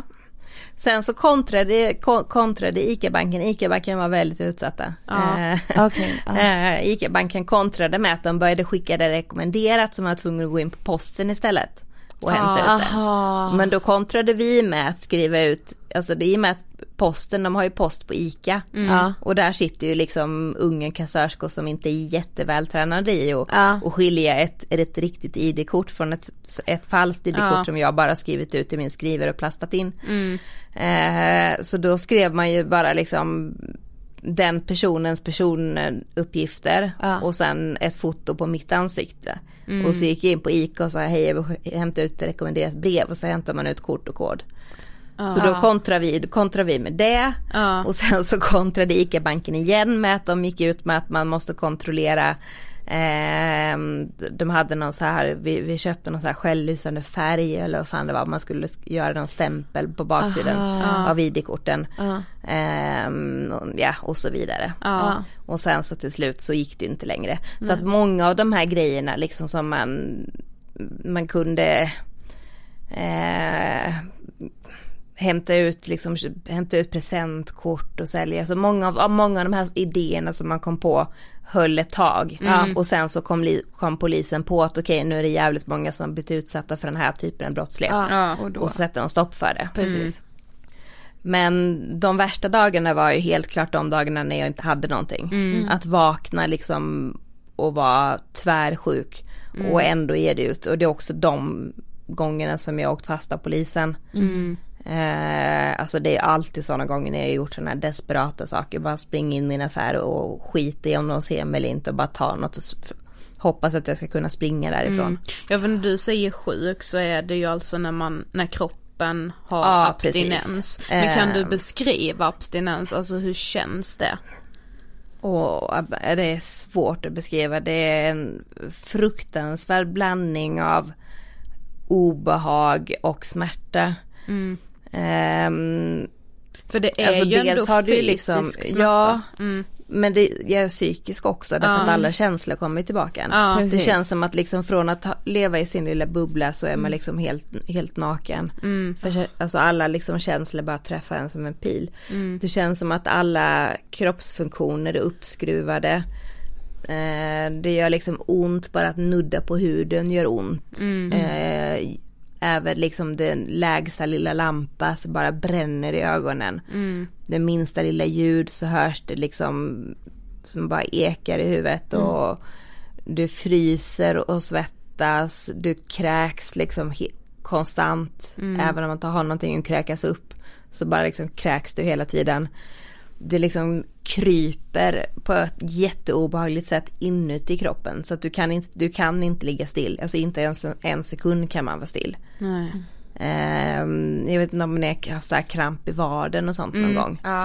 Eh, den här intensiva känslan av att man måste liksom göra någonting Ja. åt det. Mm. Det går liksom inte att slappna av på Nej. något sätt. Lite grann så är det fast i hela kroppen samtidigt. Mm. Så det gör för ont att ligga ner och det gör liksom ont att stå upp och resa sig och det blir bara värre och värre. Och ja, man kräks och skiter på sig och Mm, ögonen rinner och alltså det är fruktansvärt. Ja. Det är liksom, jag var aldrig någonsin rädd för att åka fast för polisen. Utan det jag var rädd för var att jag skulle bli eh, arresterad och inlåst i fyra dygn. Ah. Eh, eller en- ännu värre häkt, häktad ännu längre tid. Men att jag skulle behöva tända av. Det var ju Mm. liksom det som jag var rädd för. Mm. Jag struntar väl i, alltså mitt straff, jag har sett lite böter på mig eller jag kan sitta i fängelse också men det är ju tända av jag är rädd för. Det är ju Mm, liksom precis. det jag, det är därför jag ak- aktar mig. Mm. Men du beskrev också i boken att så här de sjukaste saker som kan hända blir liksom vardag. Ja. Du skrev ju bland annat om att så här, man kan vakna upp jämte någon som har dött och Ja. det är nästan så här, aha. Ja. Eh, alltså hur, hur är det att leva så? Alltså alla känslorna blir liksom, alltså alla känslor blir avtrubbade. Mm. Man blir eh, känslokall, egoistisk, lite grann, grann som en robot. Och eftersom jag hade så himla mycket ångest och oro och depression. Och det blev ju också värre av att jag levde det livet. Att jag, jag visste ju någonstans, alltså jag visste ju att det var att det här är fel. Jag vill inte vara kriminell liksom. Jag vill Mm. inte göra sådana saker. Ehm, och det gjorde ju att jag fick ännu mer skam och skuld över det jag har gjort och då Ja. blir det ännu mer olidligt att Mm. inte fortsätta. Mm. Därför att då måste jag liksom möta det jag har gjort. Jag minns någon gång jag tog guldsmycken som jag hade fått av min farmor efter att hon, efter hennes begravning liksom. Från mamma och pappa och pantade för att få pengar och Mm. alltså sådana här grejer som man liksom skäms över jättemycket. Man blir väldigt kall och, och precis som det Alltså just den gången det, det, alltså det är klart att jag blev ledsen och, och reagerade liksom att oj han har dött liksom, han ligger död här bredvid mig. Ja. Eh, och mm, det är ju läskigt Ja. och obehagligt att se en död människa och jag sörjde att han var borta. Mm. Men det var ju inte förrän jag blev drogfri som jag verkligen sörjde på, på riktigt. Mm.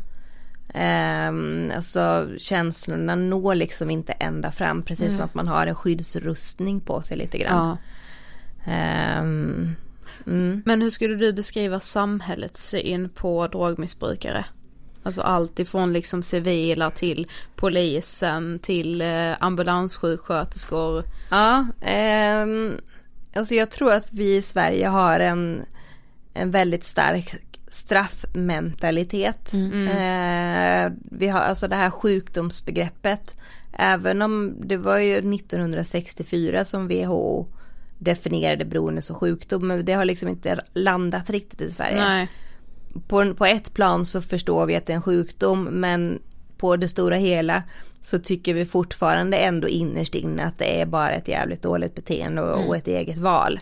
Och man får skylla sig själv. Mm. Och liksom, jag har ett exempel till exempel när jag, det var också jag tog en överdos och en kompis ringde en ambulans då och så när jag vaknade i ambulansen så, så säger sjuk, eh, ambulanssjuksköterskan att jag tycker det är för jävligt att du tar upp resurser från personer som är sjuka på riktigt. Alltså, och om jag fick så välja sjukt. så skulle jag lämna dig på, på vägkanten här och bara låta dig dö. Och jag fattar inte, du liksom får, får skylla dig själv. Och jag höll ju med, alltså det, det, det är nästan det som är det värsta nu efter den andra, att jag höll med honom. Jag, jag tyckte jag hade samma syn på mig själv. Mm. Så att jag sa, ja jag håller med liksom. Öppna ambulansen och låt mig kliva ur. Mm. Ehm, så det, det gjorde jag. Och, eh, problemet är ju att det här motgiftet man får när man häver en överdos, Naloxon. Eh, det är väldigt korttidsverkande. Mm. Det sitter bara i 45 minuter ungefär. Så att har du tagit en väldigt stark överdos så kan liksom överdosen komma tillbaka igen Mm. när motgiftet Aha. släpper. Så att du får en andra överdos. Mm. Eh, så att jag blev däckad ju på en bänk då men jag hade, ju- hade tur liksom som vaknade igen. Ja men det är så Ja, det är jävla sjukt. Men det är ganska Ja. typisk syn liksom på och, och detsamma med den här blev upplockad av, som jag berättade om innan, Mm. den här polisen liksom blev upp, upplockad näst, i, nästan medvetslös av en polisbil. Mm. Och ändå i så pass skick att jag behöver bli inburen. Jag hade blåmärken på, på armarna och benen så att jag blev ju verkligen liksom inburen Ja. Mm. i polisbilen. Och istället för att köra mig till akuten, köra mig till arresten och säga att eh, ja du måste lämna ett urinprov för vi misstänker dig för narkotikabrott. Mm. Bara no shit. Ja. Ja, eh, ja, ja, ja, jag kan villigt erkänna att jag har begått ett narkotikabrott. Ja. Mm. Ehm, och så var det liksom inte först det kom en, det var en ny polis som skulle påbörja sitt skift så hon liksom gick förbi toaletterna där och såg att jag var blå i ansiktet. Mm. Och så sa hon att du måste nog köra henne till sjukhuset nu. Och så körde de mig till sjukhuset och när jag vaknade så sa läkaren att det var liksom, det hade handlat om minuter så att då Men- fick de, ja, läkaren skällde ut polisen lite grann där Ja. liksom. ja men bra. Men, Ja, men för men straffmentaliteten liksom Ja, det här att vi ska Och det är nästan som att en, liksom, en viss typ av psykisk ohälsa, för det är det ju med missbruk, den har liksom, den vill man förbrottsliga på något sätt. Och det gör ju inte att fördomar kring psykisk ohälsa minskar direkt, utan snarare tvärtom. Alltså det är så jävla sjukt, alltså hur, nej men nej alltså jag kan inte förstå hur den ambulanssjukskötaren sa så till dig, det är Nej men helt, och att släppa av det. Och bara hej då. ja, Ja, alltså han, han visste ju och om han inte visste så borde han i alla fall ha vetat att Naloxon sitter i så pass kort tid att det är stor risk att överdosen liksom kommer tillbaka. mm, Eh, sen vet jag inte om det var tjänstefel eller inte i och med att jag höll med honom och sa att ja men släpp av mig, jag skiter, jag skiter också i mig jag dör. ja, Jag har inget att leva för. nej. Eh, Men eh, jag tänker på en helt annan sak också. Ja. Just med alltså att ta en överdos. Hur, alltså hur blir det så? Är det att man testar lite till än vad man brukar? Alltså så här, Ja, alltså dels om du tänker, du köper, alltså jämfört med att missbruka läkemedel när man vet Ja. vad man får. Jag har ju missbrukat väldigt mycket morfintabletter och till och med tramadol liksom som är en, en, ett kodin, släkting till kodin och där vet du liksom, står det 50 milligram på tabletten så är det 50 milligram. Men heroin på gatan, du, där har du ingen aning. Det kan vara liksom allt från att du blir nästan lurad och det är typ 2-3% heroin. Och du kan skjuta i dig ett gram utan att det händer något. Ja. Till att det är jätte, jättestarkt och du tar en tiondel av vad du brukar ta. Sen när man hållit på länge så lär man sig ganska lätt liksom att, att prova lite grann först. Okej. Och vara försiktig men det händer ju ändå att det är för starka grejer och, och man råkar liksom, du skjuter i dig exakt lika mycket som du alltid gör och det blir en överdos. Ja. Och sen är det också vanligt vid tillfället då man har haft ett uppehåll. Eh, många av mina överdoser har skett när jag har varit på behandling. Alltså jag har varit på behandlingshem. Typ försökt att gå in på avgiftningen och sen så har jag stuckit eller jag har varit- suttit i arresten två dagar och sen kommer ut.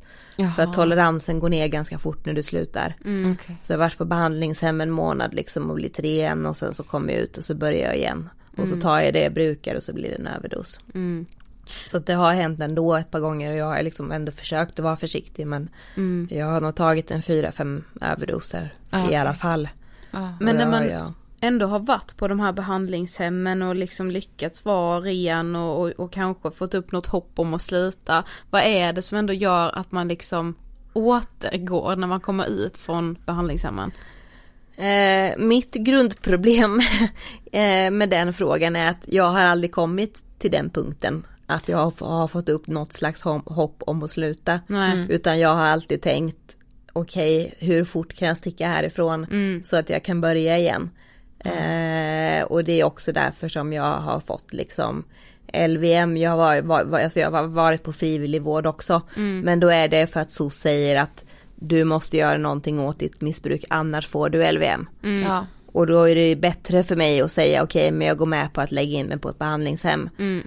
För då kommer jag till ett öppet behandlingshem som jag kan rymma ifrån. Än att jag vägrar för då kommer jag till ett låst där det är mycket svårare och kräver, kräver mer planering att ta sig därifrån. Ja. Och så är jag där ett tag liksom tills jag kan sticka. Mm. Och så sticker jag.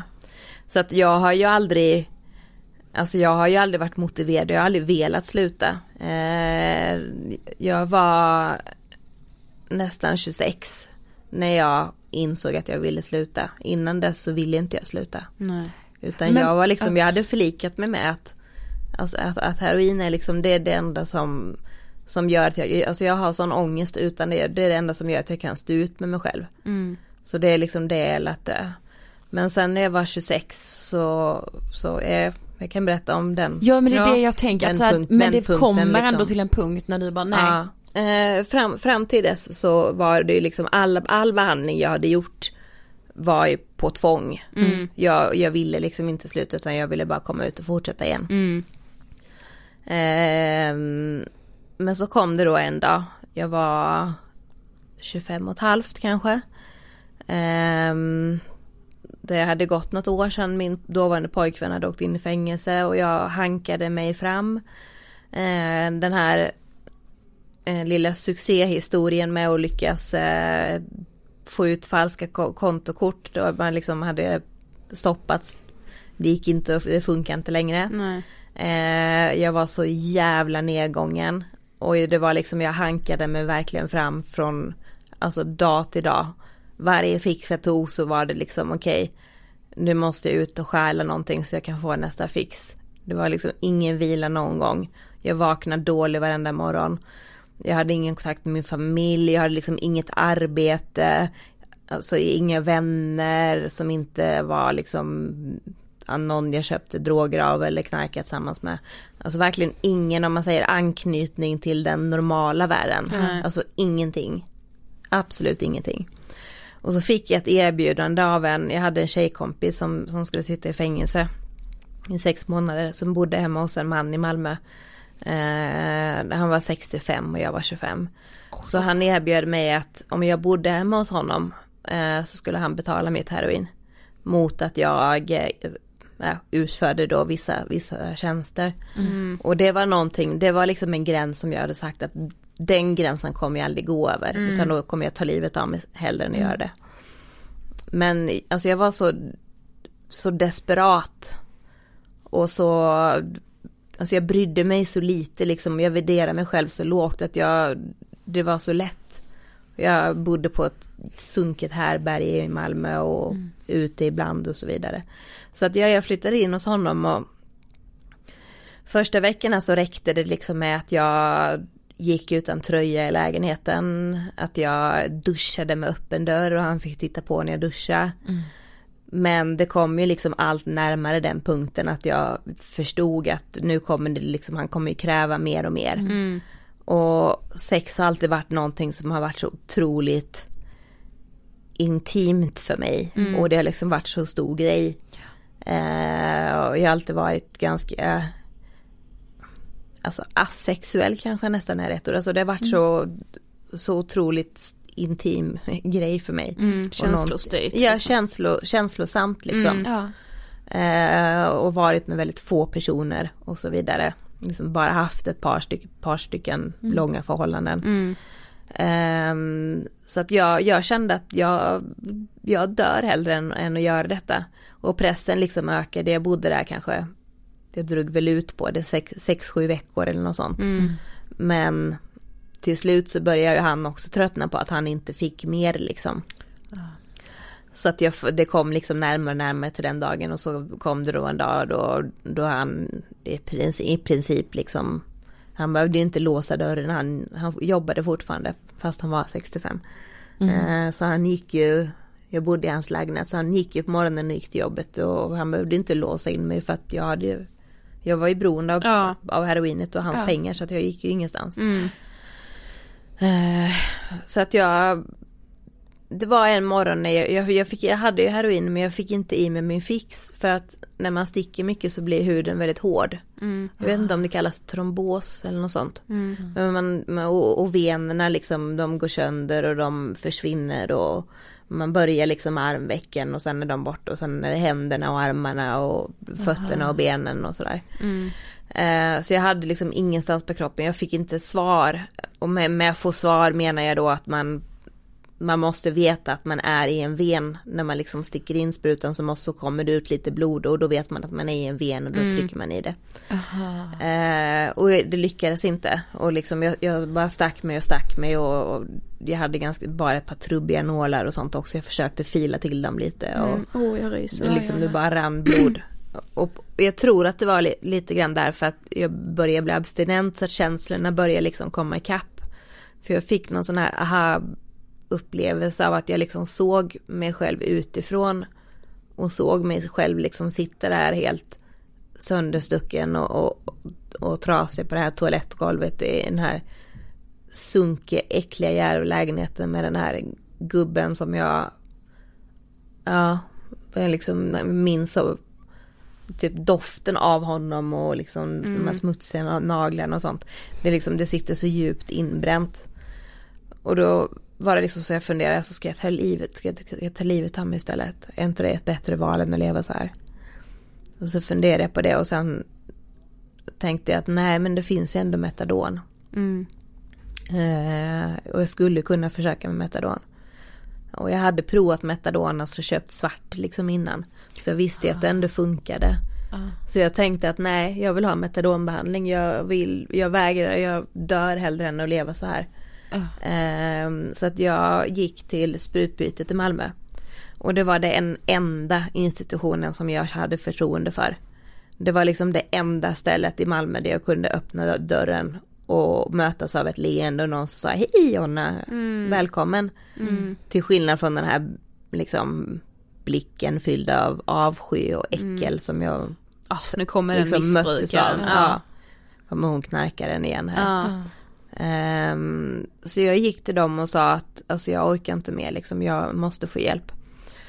Och deras kurator hjälpte mig att och, och, och ordna med SOS. Och grejen var att SOS hade, hade redan en öppen LVM-anmälan på mig. För att jag, alltså jag tror jag vägde något sånt 36 kilo eller något sånt Oj där. jävlar. Mm. Eh, Så de hade en öppen LVM-anmälan. Så att de var ju ändå liksom på gång att ta ett beslut. Mm. Eh, Men innan man får ett LVM så görs det en läkarutredning. Och den läkaren skrev i sitt utlåtande att eftersom Jonna har provat så många behandlingshem innan. eh, Och det här var, först, det här var liksom första gången som jag själv uppgav att ja, men jag, jag tror på det här, jag tror att det här kommer funka, jag tror att det här är någonting som kommer hjälpa mig. Jag vill detta. Mm. Ehm, så och rekommenderade han att jag skulle få metadon. Men han insåg ju också att jag hade ju liksom inte två år Två år, alltså jag kunde inte klara av två år och stå i kö och vänta för att Nej. det, är- det är ändrat nu men på den tiden så var det liksom flera års kö för att få metadon. Mm. Så att jag hade sån tur på det sättet att jag, jag fick hjälp av SOS. Jag kom in, jag tror detta var en, en fredag och på söndagen, det var, alltså gick bara, det var bara en dag eller något sånt. Eh, så fick jag komma till ett privat, eh, en privat metadonbehandling i Malmö. Som heter Process. Eh, jag tror inte det finns längre men det var att man kom då på morgonen varje dag så fick man sin dos. Och sen så hade de lite så gruppterapi och, Mm. och sånt på förmiddagen. Och så åt man lunch ihop och sen gick man hem. Så att man gick där sju dagar i veckan liksom. Mm. Jaha. Måndag till söndag och så kom, kom dit och, och fick din dos liksom. Eh, och så fick jag gå där tills jag kom fram i kön.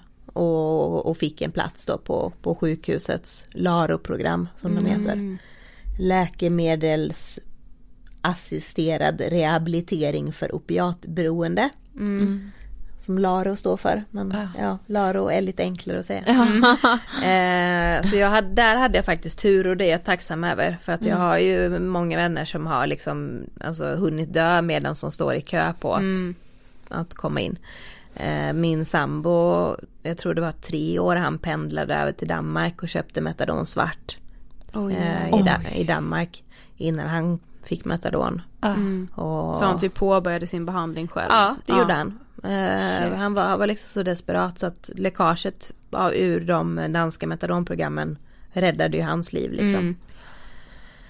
Mm. Men jag hade, hade ju tur där. Att, ehm, så jag, men, men jag fick ju också, men jag fick ju också den, eh, vad ska man säga, det kriteriet att de hade den här LVM-utredningen öppen under Ja. hela tiden så att jag hade ju den pressen också, alltså jag ville ju själv men jag hade ju också pressen att okej mi- misslyckas jag med detta, tar jag återfall så får jag ett LVM och då Mm. är det direkt in på Lunden eller något låst annat Mm. låsställe. Mm. Och då får ingen metadon, då är det ingen medicin liksom, då får jag tända av istället. Mm. Så det, men det var nog ganska bra. Ja. För att även om jag hade bestämt mig och, och, och ville så behövde jag liksom ändå den här pushen. Mm. För att Lite det var in, ja, det fanns ju fortfarande vissa element av, av heroinmissbruket som jag saknade. Mm. Även om det var en miserabel situation så efter några månader så glömmer hjärnan det där lite, lite grann. Mm. Och så minns man ändå de här bra stunderna som man ändå hade liksom när man hade mycket pengar eller gott om heroin och, Mm. och, och liksom hur bra man mådde. Man glömmer liksom längtar tillbaka till den här känslan, den här kicken och, och så vidare. Mm. Så det var ju inte så heller att det bara skedde över en natt och jag Nej. blev frisk utan jag levde ju liksom, ja, fortsatte att vara lite småkriminell och Mm. liksom umgicks med andra missbrukare och det tog ju tid liksom och, och efter sex månader så släpptes det här LVM-hotet. Mm. Och då började jag också ta återfall ibland. Eh, så att första två åren så tog jag återfall då och då. Eh, med jämna mellanrum. Men sen i, i takt med att jag byggde upp. Jag träffade Freddy, vi började ta hand om hemlösa katter. Ehm, och det, det låter som en jätteliten sak men det här med katterna, vi, vi, fick en, vi hittade en kattunge. Mm. Eh, utan mamma som vi fick ta hand om. Och bara en sån sak liksom att, att ta ansvar för att ta ansvar för någon annans Mm. liv liksom att och den här, jag blev liksom så, så kär i den här, jag som inte ens hade tyckt om djur innan. Mm. Blev så kär i den här lilla katten. Eh, det var också en sak som hjälpte för jag kunde liksom inte med och, och knarka och glömma bort att mata honom utan ja. Och sen så, ja, jag, jag, ville ju liksom, när jag träffade Freddy så tändes något, något slags hopp om att jag ändå, alltså jag tror att det var att jag blev riktigt liksom kär, började älska någon och blev älskad tillbaka. Mm. Som också gav ett hopp om att det fanns ett annat liv. Mm. Eh, det, som kunde vara värt att leva. Mm. Men ja, alltså det är så många områden i livet. Det tar ju tid att ta sig ur. Mm, det är ju inte så att man bara liksom går, kan gå och få sin metadondos och så blir du frisk. Nej. Utan du måste ju få hjälp. Du har liksom, du har skulder, du kanske inte har något boende. Eh, gå till tandläkaren och fixa tänderna. Hepatit C, alltså det är liksom så himla mycket laga relationen till sina föräldrar och familj. Mm. Eh, sysselsättning, vem anställer mig som in- inte har haft jobb och har en stor CV-lucka och Mm. liksom, ja. Men när man väl får behandling, får man liksom hjälp med sådana grejer med? Eller typ får man prata med någon psykolog? Jag tänker liksom, det är så Nej. mycket som behöver bearbetas Ja. måste det ju Ja. vara efter alla dessa år av misär. Ja. Nej, eh, där är en ganska stor brist på många LARO-behandlingar tycker jag. Mm. Eh, det är olika från, från ställe till ställe hur bra de är. Men det första stället jag gick på eh, efter att jag gick då på det här privata process, för där, Mm. där fick man ju ändå liksom behandling och så. Ja. Men eh, efter, efter det när jag gick i sjukvårdens regi så att säga. Så det första stället i Malmö, där var det mer att man kom in liksom och så gick man in till sin kontaktperson och så fick man sin dos och sen hej då. Mm. Och så var det 23 timmar och 45 minuter kvar på dygnet. Ja. Så man levde missbruksliv. Men sen så när jag, så när jag, i och med att jag träffade Freddy, min sambo, så, så visste jag att han gick på en mottagning i Trelleborg. Ja. Och när jag var med honom där så såg jag att de var helt annorlunda där för att där var det mer likt som process att de hade liksom en dagverksamhet. Man kom på morgonen, man fick sin medicin och sen hade de liksom Ja, som en dagverksamhet, man patienter och personal satt tillsammans i soffan. Mm. Och man, de hade biljardbord och liksom dator och man kunde sitta och prata och eh, och där någonstans så började det hjälpte mig också bara att vakna på morgonen och ha någonstans att gå. Ja precis. Att liksom känna Det är så värdefullt. Ja, det Ja, man ju. att liksom känna att man var en del i en grupp, Mm. gemensam sammanhang. Och att vara i en frisk miljö ett Mm. par timmar varje dag. Med någon som peppar en och säger att jo men det är klart att du kan söka till socionom och det är klart att Ja. ditt liv inte är kört liksom. Och det, det, det är klart att ni kan göra det och det. Och, eh, så den, det, det hjälpte mig också väldigt mycket. Eh, men det är ju liksom en kombination av saker. Ehm, och jag tror att, att väldigt många fall så så tänker man att ja men nu har personen fått metadon, nu är den, nu är den liksom färdigbehandlad. Mm. Men för att man ska bli tillfrisknad, alltså verkligen liksom bygga upp ett liv. Precis. Och det var ju alltså i takt med att det här, det här skedde att jag fick liksom mer och mer innehåll, innehåll i livet helt enkelt. Mm. Som återfallen blev färre och färre. Tills den dagen då jag kände att Alltså jag vill inte ta längre, jag behöver inte det längre. För Mm. att jag, jag mår så pass bra nu. Mm. Eh, sen är det klart att jag har drogsug ibland så jag har fortfarande Jo, jag drogsug. tänkte faktiskt på det, alltså så här, nu har det gått nästan tio år sedan då. Kan du fortfarande idag tänka, eller så här, sakna det? Ja, absolut. Ehm, definitivt. Jag har haft metadon i, ska vi se, jag fick det när jag var 26, vad blir det, åtta år eller något Mm. sånt. Ehm, men ja, jag kan få drogsug. Senast Mm. var när vår, eh, förra året när vår en, min första katt, den kattungen som jag berättade om, Ja. som hjälpte mig att bli drogfri. Ja. Han blev påkörd och gick bort. Och, Eh, vi letade i fem dagar innan polisen ringde och berättade att någon hade hittat en påkörd katt. Mm. och så hittade de oss då via att han var chipmärkt. Mm. Eh, då, då var det sånt tillfälle då jag tänkte att alltså jag står inte ut med den här känslan jag måste ta. Mm. Men där är ju underhållsbehandlingen ändå så pass bra att även om jag tar heroin med metadon eller Subutex i kroppen så känner jag inte så mycket för att mina receptorer är liksom täckta av medicinen. Aha. Så att om jag ska ta, om jag ska känna, få den här ordentliga kicken. Mm. Det är klart att det går att ta om man kanske känner något litet men för att få den här ordentliga kicken så måste jag liksom vänta ett par dagar och, typ låta medicinen gå i kroppen först. Aha. Och det är ju en ganska bra grej för att när de här dagarna har gått, process, det är liksom. för jobbig process ja. Ja. Dels blir man sjuk och dels så när man får drogsug så är det ofta att någonting som händer och jag vill ha det nu. Jag vill Ja. må bra nu. Eh, och så det är också ganska stor trygghet att veta att den här kicken den går liksom inte att få ögonblickligen längre. Mm. Men då kände jag jättestarkt drogsug. Ehm, det gjorde jag. Eh, och jag kan ju fortfarande liksom, alltså ibland tänka tillbaka på och minnas vissa delar av, av det och, och framförallt liksom känslan av den här obeskrivbar käns obeskrivbara känslan av, av intensivt välmående när Mm. allting bara känns så, så jävla bra när man precis har tagit sin fix. Mm. Trots att livet är misär liksom Ja. runt omkring en. Så skiter man i det för att det, är det är värt det. Mm. Och det säger ju någonting om drivkraften liksom. Ja. Man brukar säga att modersinstinkten är en av eh, människorasens liksom starkaste band. Mm. Ehm, och jag vet att det var en, en, en sjuksköterska som jag hade som kontaktperson som berättade att det var när, när hon såg en, en nyförlöst mamma lämna BB för att gå och, och fortsätta med heroin och, och lämna, lämna sitt barn där.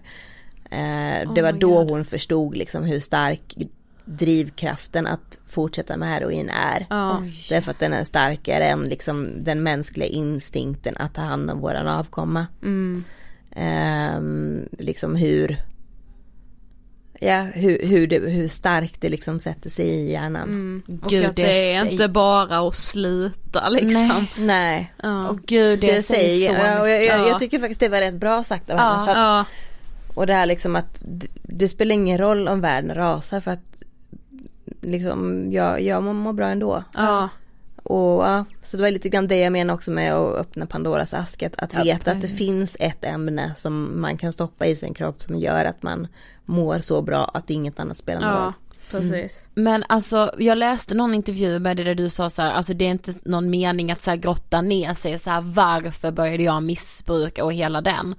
Men det blir ju liksom ofrånkomligt på något sätt att inte ändå tänka på kopplingen, barnskådis, all den uppmärksamheten som så ung och sen är det bara slut. Har, du måste någon, alltså så här ändå fundera på det själv ibland kanske. Jo, det är klart att jag själv, att jag ibland liksom har ställt mig frågan om det hade kunnat bli annorlunda Mm. eller liksom varför det här blev och, och jag tror att det var, var en, en serie av faktorer att Ja. att det liksom dels att det här med, med barnskådespelandet att det, det var liksom så stark intensiv upplevelse och så spännande och att det tog slut så pass abrupt Mm. när jag var i en känslig ålder samtidigt som jag led av psykisk ohälsa Precis. samtidigt som jag kom, kom i kontakt med en, en kille som använde droger samtidigt som jag tyckte det var liksom spännande med droger och så vidare. Mm. Eh, så jag tror att det är liksom man, om man kommer i kontakt med droger i ett känsligt skede i livet eh, där man, så har, är man liksom inte motståndskraftig och sen att jag var så pass ung också att jag liksom inte riktigt hade full koll på, på det här med, med handling konsekvens att det här är nog inte sådär jättebra för min framtid och, Mm. och jag, jag, alltså jag visste liksom inte vad psykisk ohälsa direkt Alltså kunskapsbrist också att jag, Ja. jag hade i princip aldrig hört, jag visste inte att det fanns någonting som hette ångest och depression Nej. Nej. när jag var 13-14 år. Jag visste inte det liksom, jag visste alltså psyksjuka men det är väl sådana som ser spöken och sitter på mentalsjukhus. Ja, precis. Alltså det var ungefär den, på den nivån, Exakt. alltså jag hade liksom ingen aning om att att det var ganska vanligt att, att man lider av ångest och oro. Mm. Och om man kollar i undersökningar så är ju svenska ungdomar eh, mår sämst i hela Europa. Mm. Alltså det är liksom av alla länder i Europa så är det flest i Sverige eh, som uppger, att de mår dåligt. Mm. Och samtidigt så har vi ju inte en psykvård vi direkt kan skryta med. Nej. Och psykisk ohälsa är en av de vanligaste vägarna in i missbruk. Ja, och sen den här, det vi pratade om innan, den här liksom har du ett pågående beroende så är du inte ens välkommen in till psykvården. Nej, du får precis. inte ens liksom komma in på ett samtal utan du skickas till beroendecentrum. Och hur ska man då ta sig ur den här spiralen? Ja, precis. Du tar droger för att du mår psykiskt dåligt men du får ingen hjälp med din psykiska ohälsa Nej. för att du tar droger och du kan inte sluta ta droger för att du mår så dåligt. Det blir liksom Alltså det är så jävla orimligt Ja. att det är så. Mm. Jag bara blir Ja, så här helt förbannad alltså. Men det är väl liksom i så fall den enda så faktorn jag kan se som skulle kanske kunna ha förändrat någonting. Det är inte säkert att det hade hjälpt heller. Nej. Men att jag hade fått en ordentlig medicinering insatt liksom. Mm. Alltså det har jag ju fått nu liksom på senare år. Mm. Eh, bra antidepressiva och en kombination som verkligen fungerar och så Mm. vidare. Jag har också så här, hade du vetat att det, var, det är helt normalt att känna tomhet efter Mm. den enorma uppmärksamheten och bekräftelsen som du fick så hade du ju Ja. kunnat bearbeta den tomheten istället för att försöka fylla den med då till exempel alkohol eller droger. Ja, absolut. Ja. Eh, Men det var liksom ingenting, alltså känslor var liksom ingenting som jag Som man pratade Nej, om nej. eller liksom Negativa känslor och Utan ja, det, det var som det var helt enkelt Mm. och Ja, tyvärr så blev ju detta min Och sen i och med att jag fick den här positiva Upplevelsen i början att jag upplevde att heroin snarare gjorde mitt liv bättre Mm, precis. för att jag kunde hålla, upprätthålla den här prestationsnivån som jag ville. Mm. Så ble, gjorde ju det också att jag blev ännu mindre liksom benägen att tänka att det här är någonting som är dåligt för Mm. mig. Precis. Men vad skulle du ändå vilja säga om det är någon som lyssnar på det här som kanske tar droger, det behöver inte vara heroin, det kan ju vara kanske bara hasch eller något annat. Vad skulle du ändå vilja, vilja säga till dem? Eh, om jag ska välja ut en sak eh, och säga, det är svårt att liksom komma på något som, som kan träffa alla därför att varje, varje persons liksom bakgrund och varför man tar det är ju unik. Men det är att det finns, det finns, även om det inte känns så just nu, så går det att leva på ett annat sätt. Det går att sluta och det är aldrig för sent. Eh, det, det är bara att fortsätta att söka hjälp tills man får rätt hjälp. Eh, och stå på sig och kräva rätt hjälp.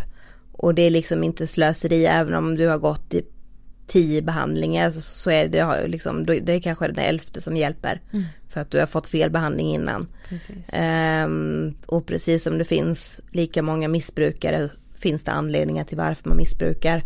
Och i Sverige så dominerar ju till exempel 12-stegs Mm. eh, behandlingsmarknaden. Mm.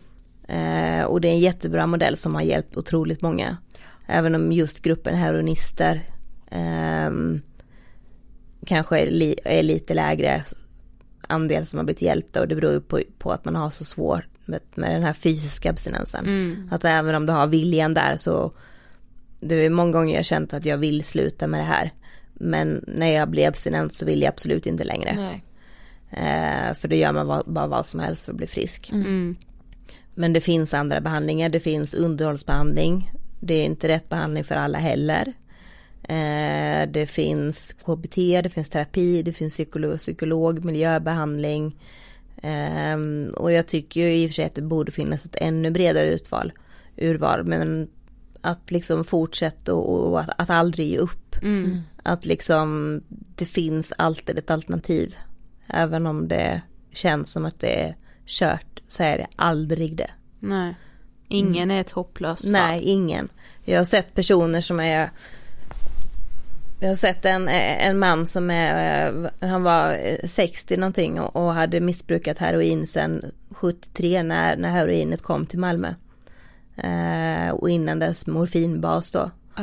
Så att så länge det hade funnits heroin i Malmö hade han missbrukat liksom, Det var uppåt 40 år. Eh, och blir drogfri helt plötsligt. Ja. I, 60, i 60-årsåldern och bara vända sitt liv totalt. Mm. Så att det, det, det är liksom aldrig så att någon är, är, körd eller inte värd att satsa på. Och, ja. Sen tycker jag ju att alla människor, så ser det ju inte riktigt ut.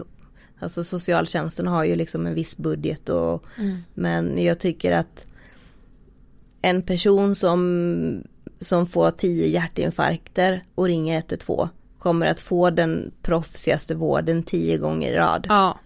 Men en beroende som söker behandlingar för ett allvarligt och dödligt missbruk med, ja, det är ungefär samma dödlighet som kanske är eh, och har liksom ett hjärtfel Mm. eh, kommer inte att få samma proffsiga hjälp de här tio gångerna i rad. Nej. Tyvärr. Mm. Mm. Ja, för fan. Ja. Okej, vi har kommit till sista frågan. Mm. Vad inspirerar dig? Ehm, det som inspirerar mig mest just nu det är en brinnande önskan och längtan om att göra det lite, lite lättare eh, att överleva eh, en period i sitt liv i aktivt missbruk. Eh, att göra det lättare att överleva, lättare att få behandling, att minska stigmat, att liksom kunna åstadkomma någon form av förändring i narkotikapolitiken. Små steg i taget, som det här med Naloxonfrågan liksom. När vi äntligen, eller vi, jag var inte, jag var med i, gruppen, representantgruppen som brukar representant. Men det var ju läkarna och de som fick igenom licensen. Mm. Men att presentera det för allmänheten, liksom, det är något jag har skrivit väldigt mycket om och liksom skrivit debattinlägg om och önskat väldigt länge. Eh, Sådana små saker, det är liksom en, en liten bit på vägen.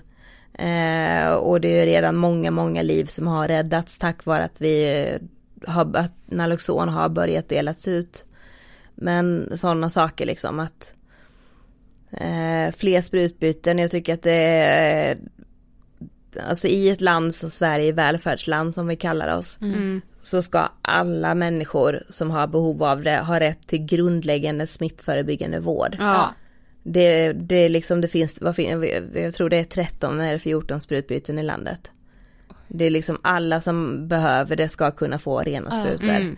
För att det, det är liksom inte lättare att sluta om du dessutom har hiv och hepatit C Nej. och Alltså då ser man ju absolut ingen anledning amputerat till en att bli arm, alltså frisk. då blir det ju bara Nej. ännu svårare. Ja. Ja men det är klart. Ju friskare du är desto lättare, då, har du ju liksom i alla fall några hinder färre Ja, att ta dig precis. över när du väl vill sluta sen. Ja, precis. Så sant. Tack så jättemycket för att du ville gästa Ångestpodden och dela med dig av allt Ja, det här. jag är så berörd nu, så att jag- Det blir ett långt avsnitt men det gör inget känner jag. Ja, ni får klippa, klippa ner det. Jag, Nej, det- det Det går kommer vi inte. vilja. Nej, okej. Tack så Eh, jättemycket. Det, ja, det är så många, många frågor som jag, jag, liksom, jag brinner så starkt för det och jag vill så gärna förmedla liksom hur, alltså hur, hur dåligt sjukdomsbegreppet eh, är implementerat i Mm. liksom det svenska samhället. Mm. Så att eh, ja, det blir lätt, lätt hänt att man pratar på. Mm. Mm. Men det gjorde du bra. Tack så jätte- jättemycket för att Tack. ni bjöd hit mig. Det var jättekul att få träffa er och vara med. Ja. Ångestpoddens längsta intervju. ja, det kan det nog vara. Ja, Mm. men det fick ju såklart bli så. Tusen tusen tack Jonna för att du ville gästa Ångestpodden och eh, berätta typ hela din historia. Det är otroligt. Ja. Eh, och vi är verkligen tagna och väldigt, väldigt tacksamma för det. Ja men jag hade lite så här, den kvällen hade jag lite ont i huvudet efter att vi hade poddat för jag bara, vad är det jag har fått lyssna på? Ja.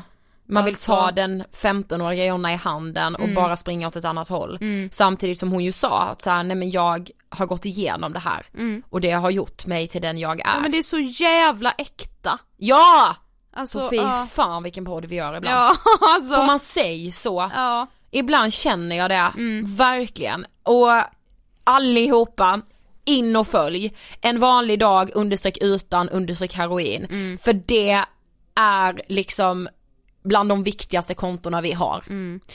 Som sagt så är ju det här del ett av vår poddserie Vi måste prata om droger. Det kommer komma två avsnitt till av serien nu innan jul och tre avsnitt efter jul. Det är en lång serie. Mm. Men det kommer alltså några Avsnitt. vanliga avsnitt Precis. emellan. Men nästa vecka så ska vi prata om att vara medberoende. Ja. Eh, vi träffar ju Alex Rask, vars pappa är drogmissbrukare. Mm. Så vi hörs då, tack så jättemycket för att ni lyssnar på Ångestpodden. Följ oss på eh, Instagram, där heter vi Angestpodden. Och hjälp oss jättegärna sprida den här serien till de som ni tror behöver och kan må bättre av att lyssna på den. Ha det bäst så hörs vi som vanligt nästa vecka! Puss. Hej då!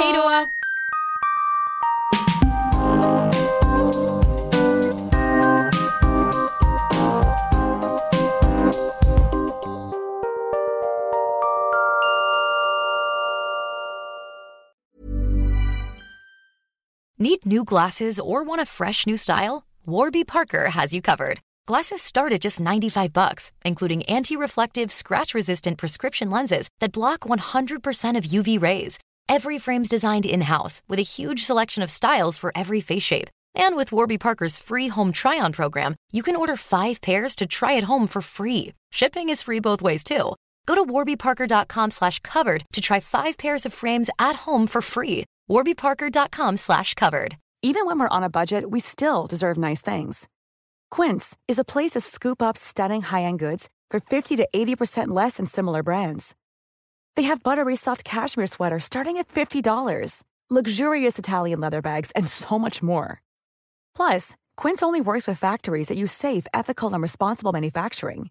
Get the high-end goods you'll love without the high price tag with Quince. Go to quince.com slash style for free shipping and 365 day returns. Mom deserves the best, and there's no better place to shop for Mother's Day than Whole Foods Market. They're your destination for unbeatable savings, from premium gifts to show-stopping flowers and irresistible desserts. Start by saving 33% with Prime on all body care and candles. Then get a 15-stem bunch of tulips for just $9.99 each with Prime. Round out Mom's menu with festive rosé, irresistible berry chantilly cake, and more special treats. Come celebrate Mother's Day at Whole Foods Market.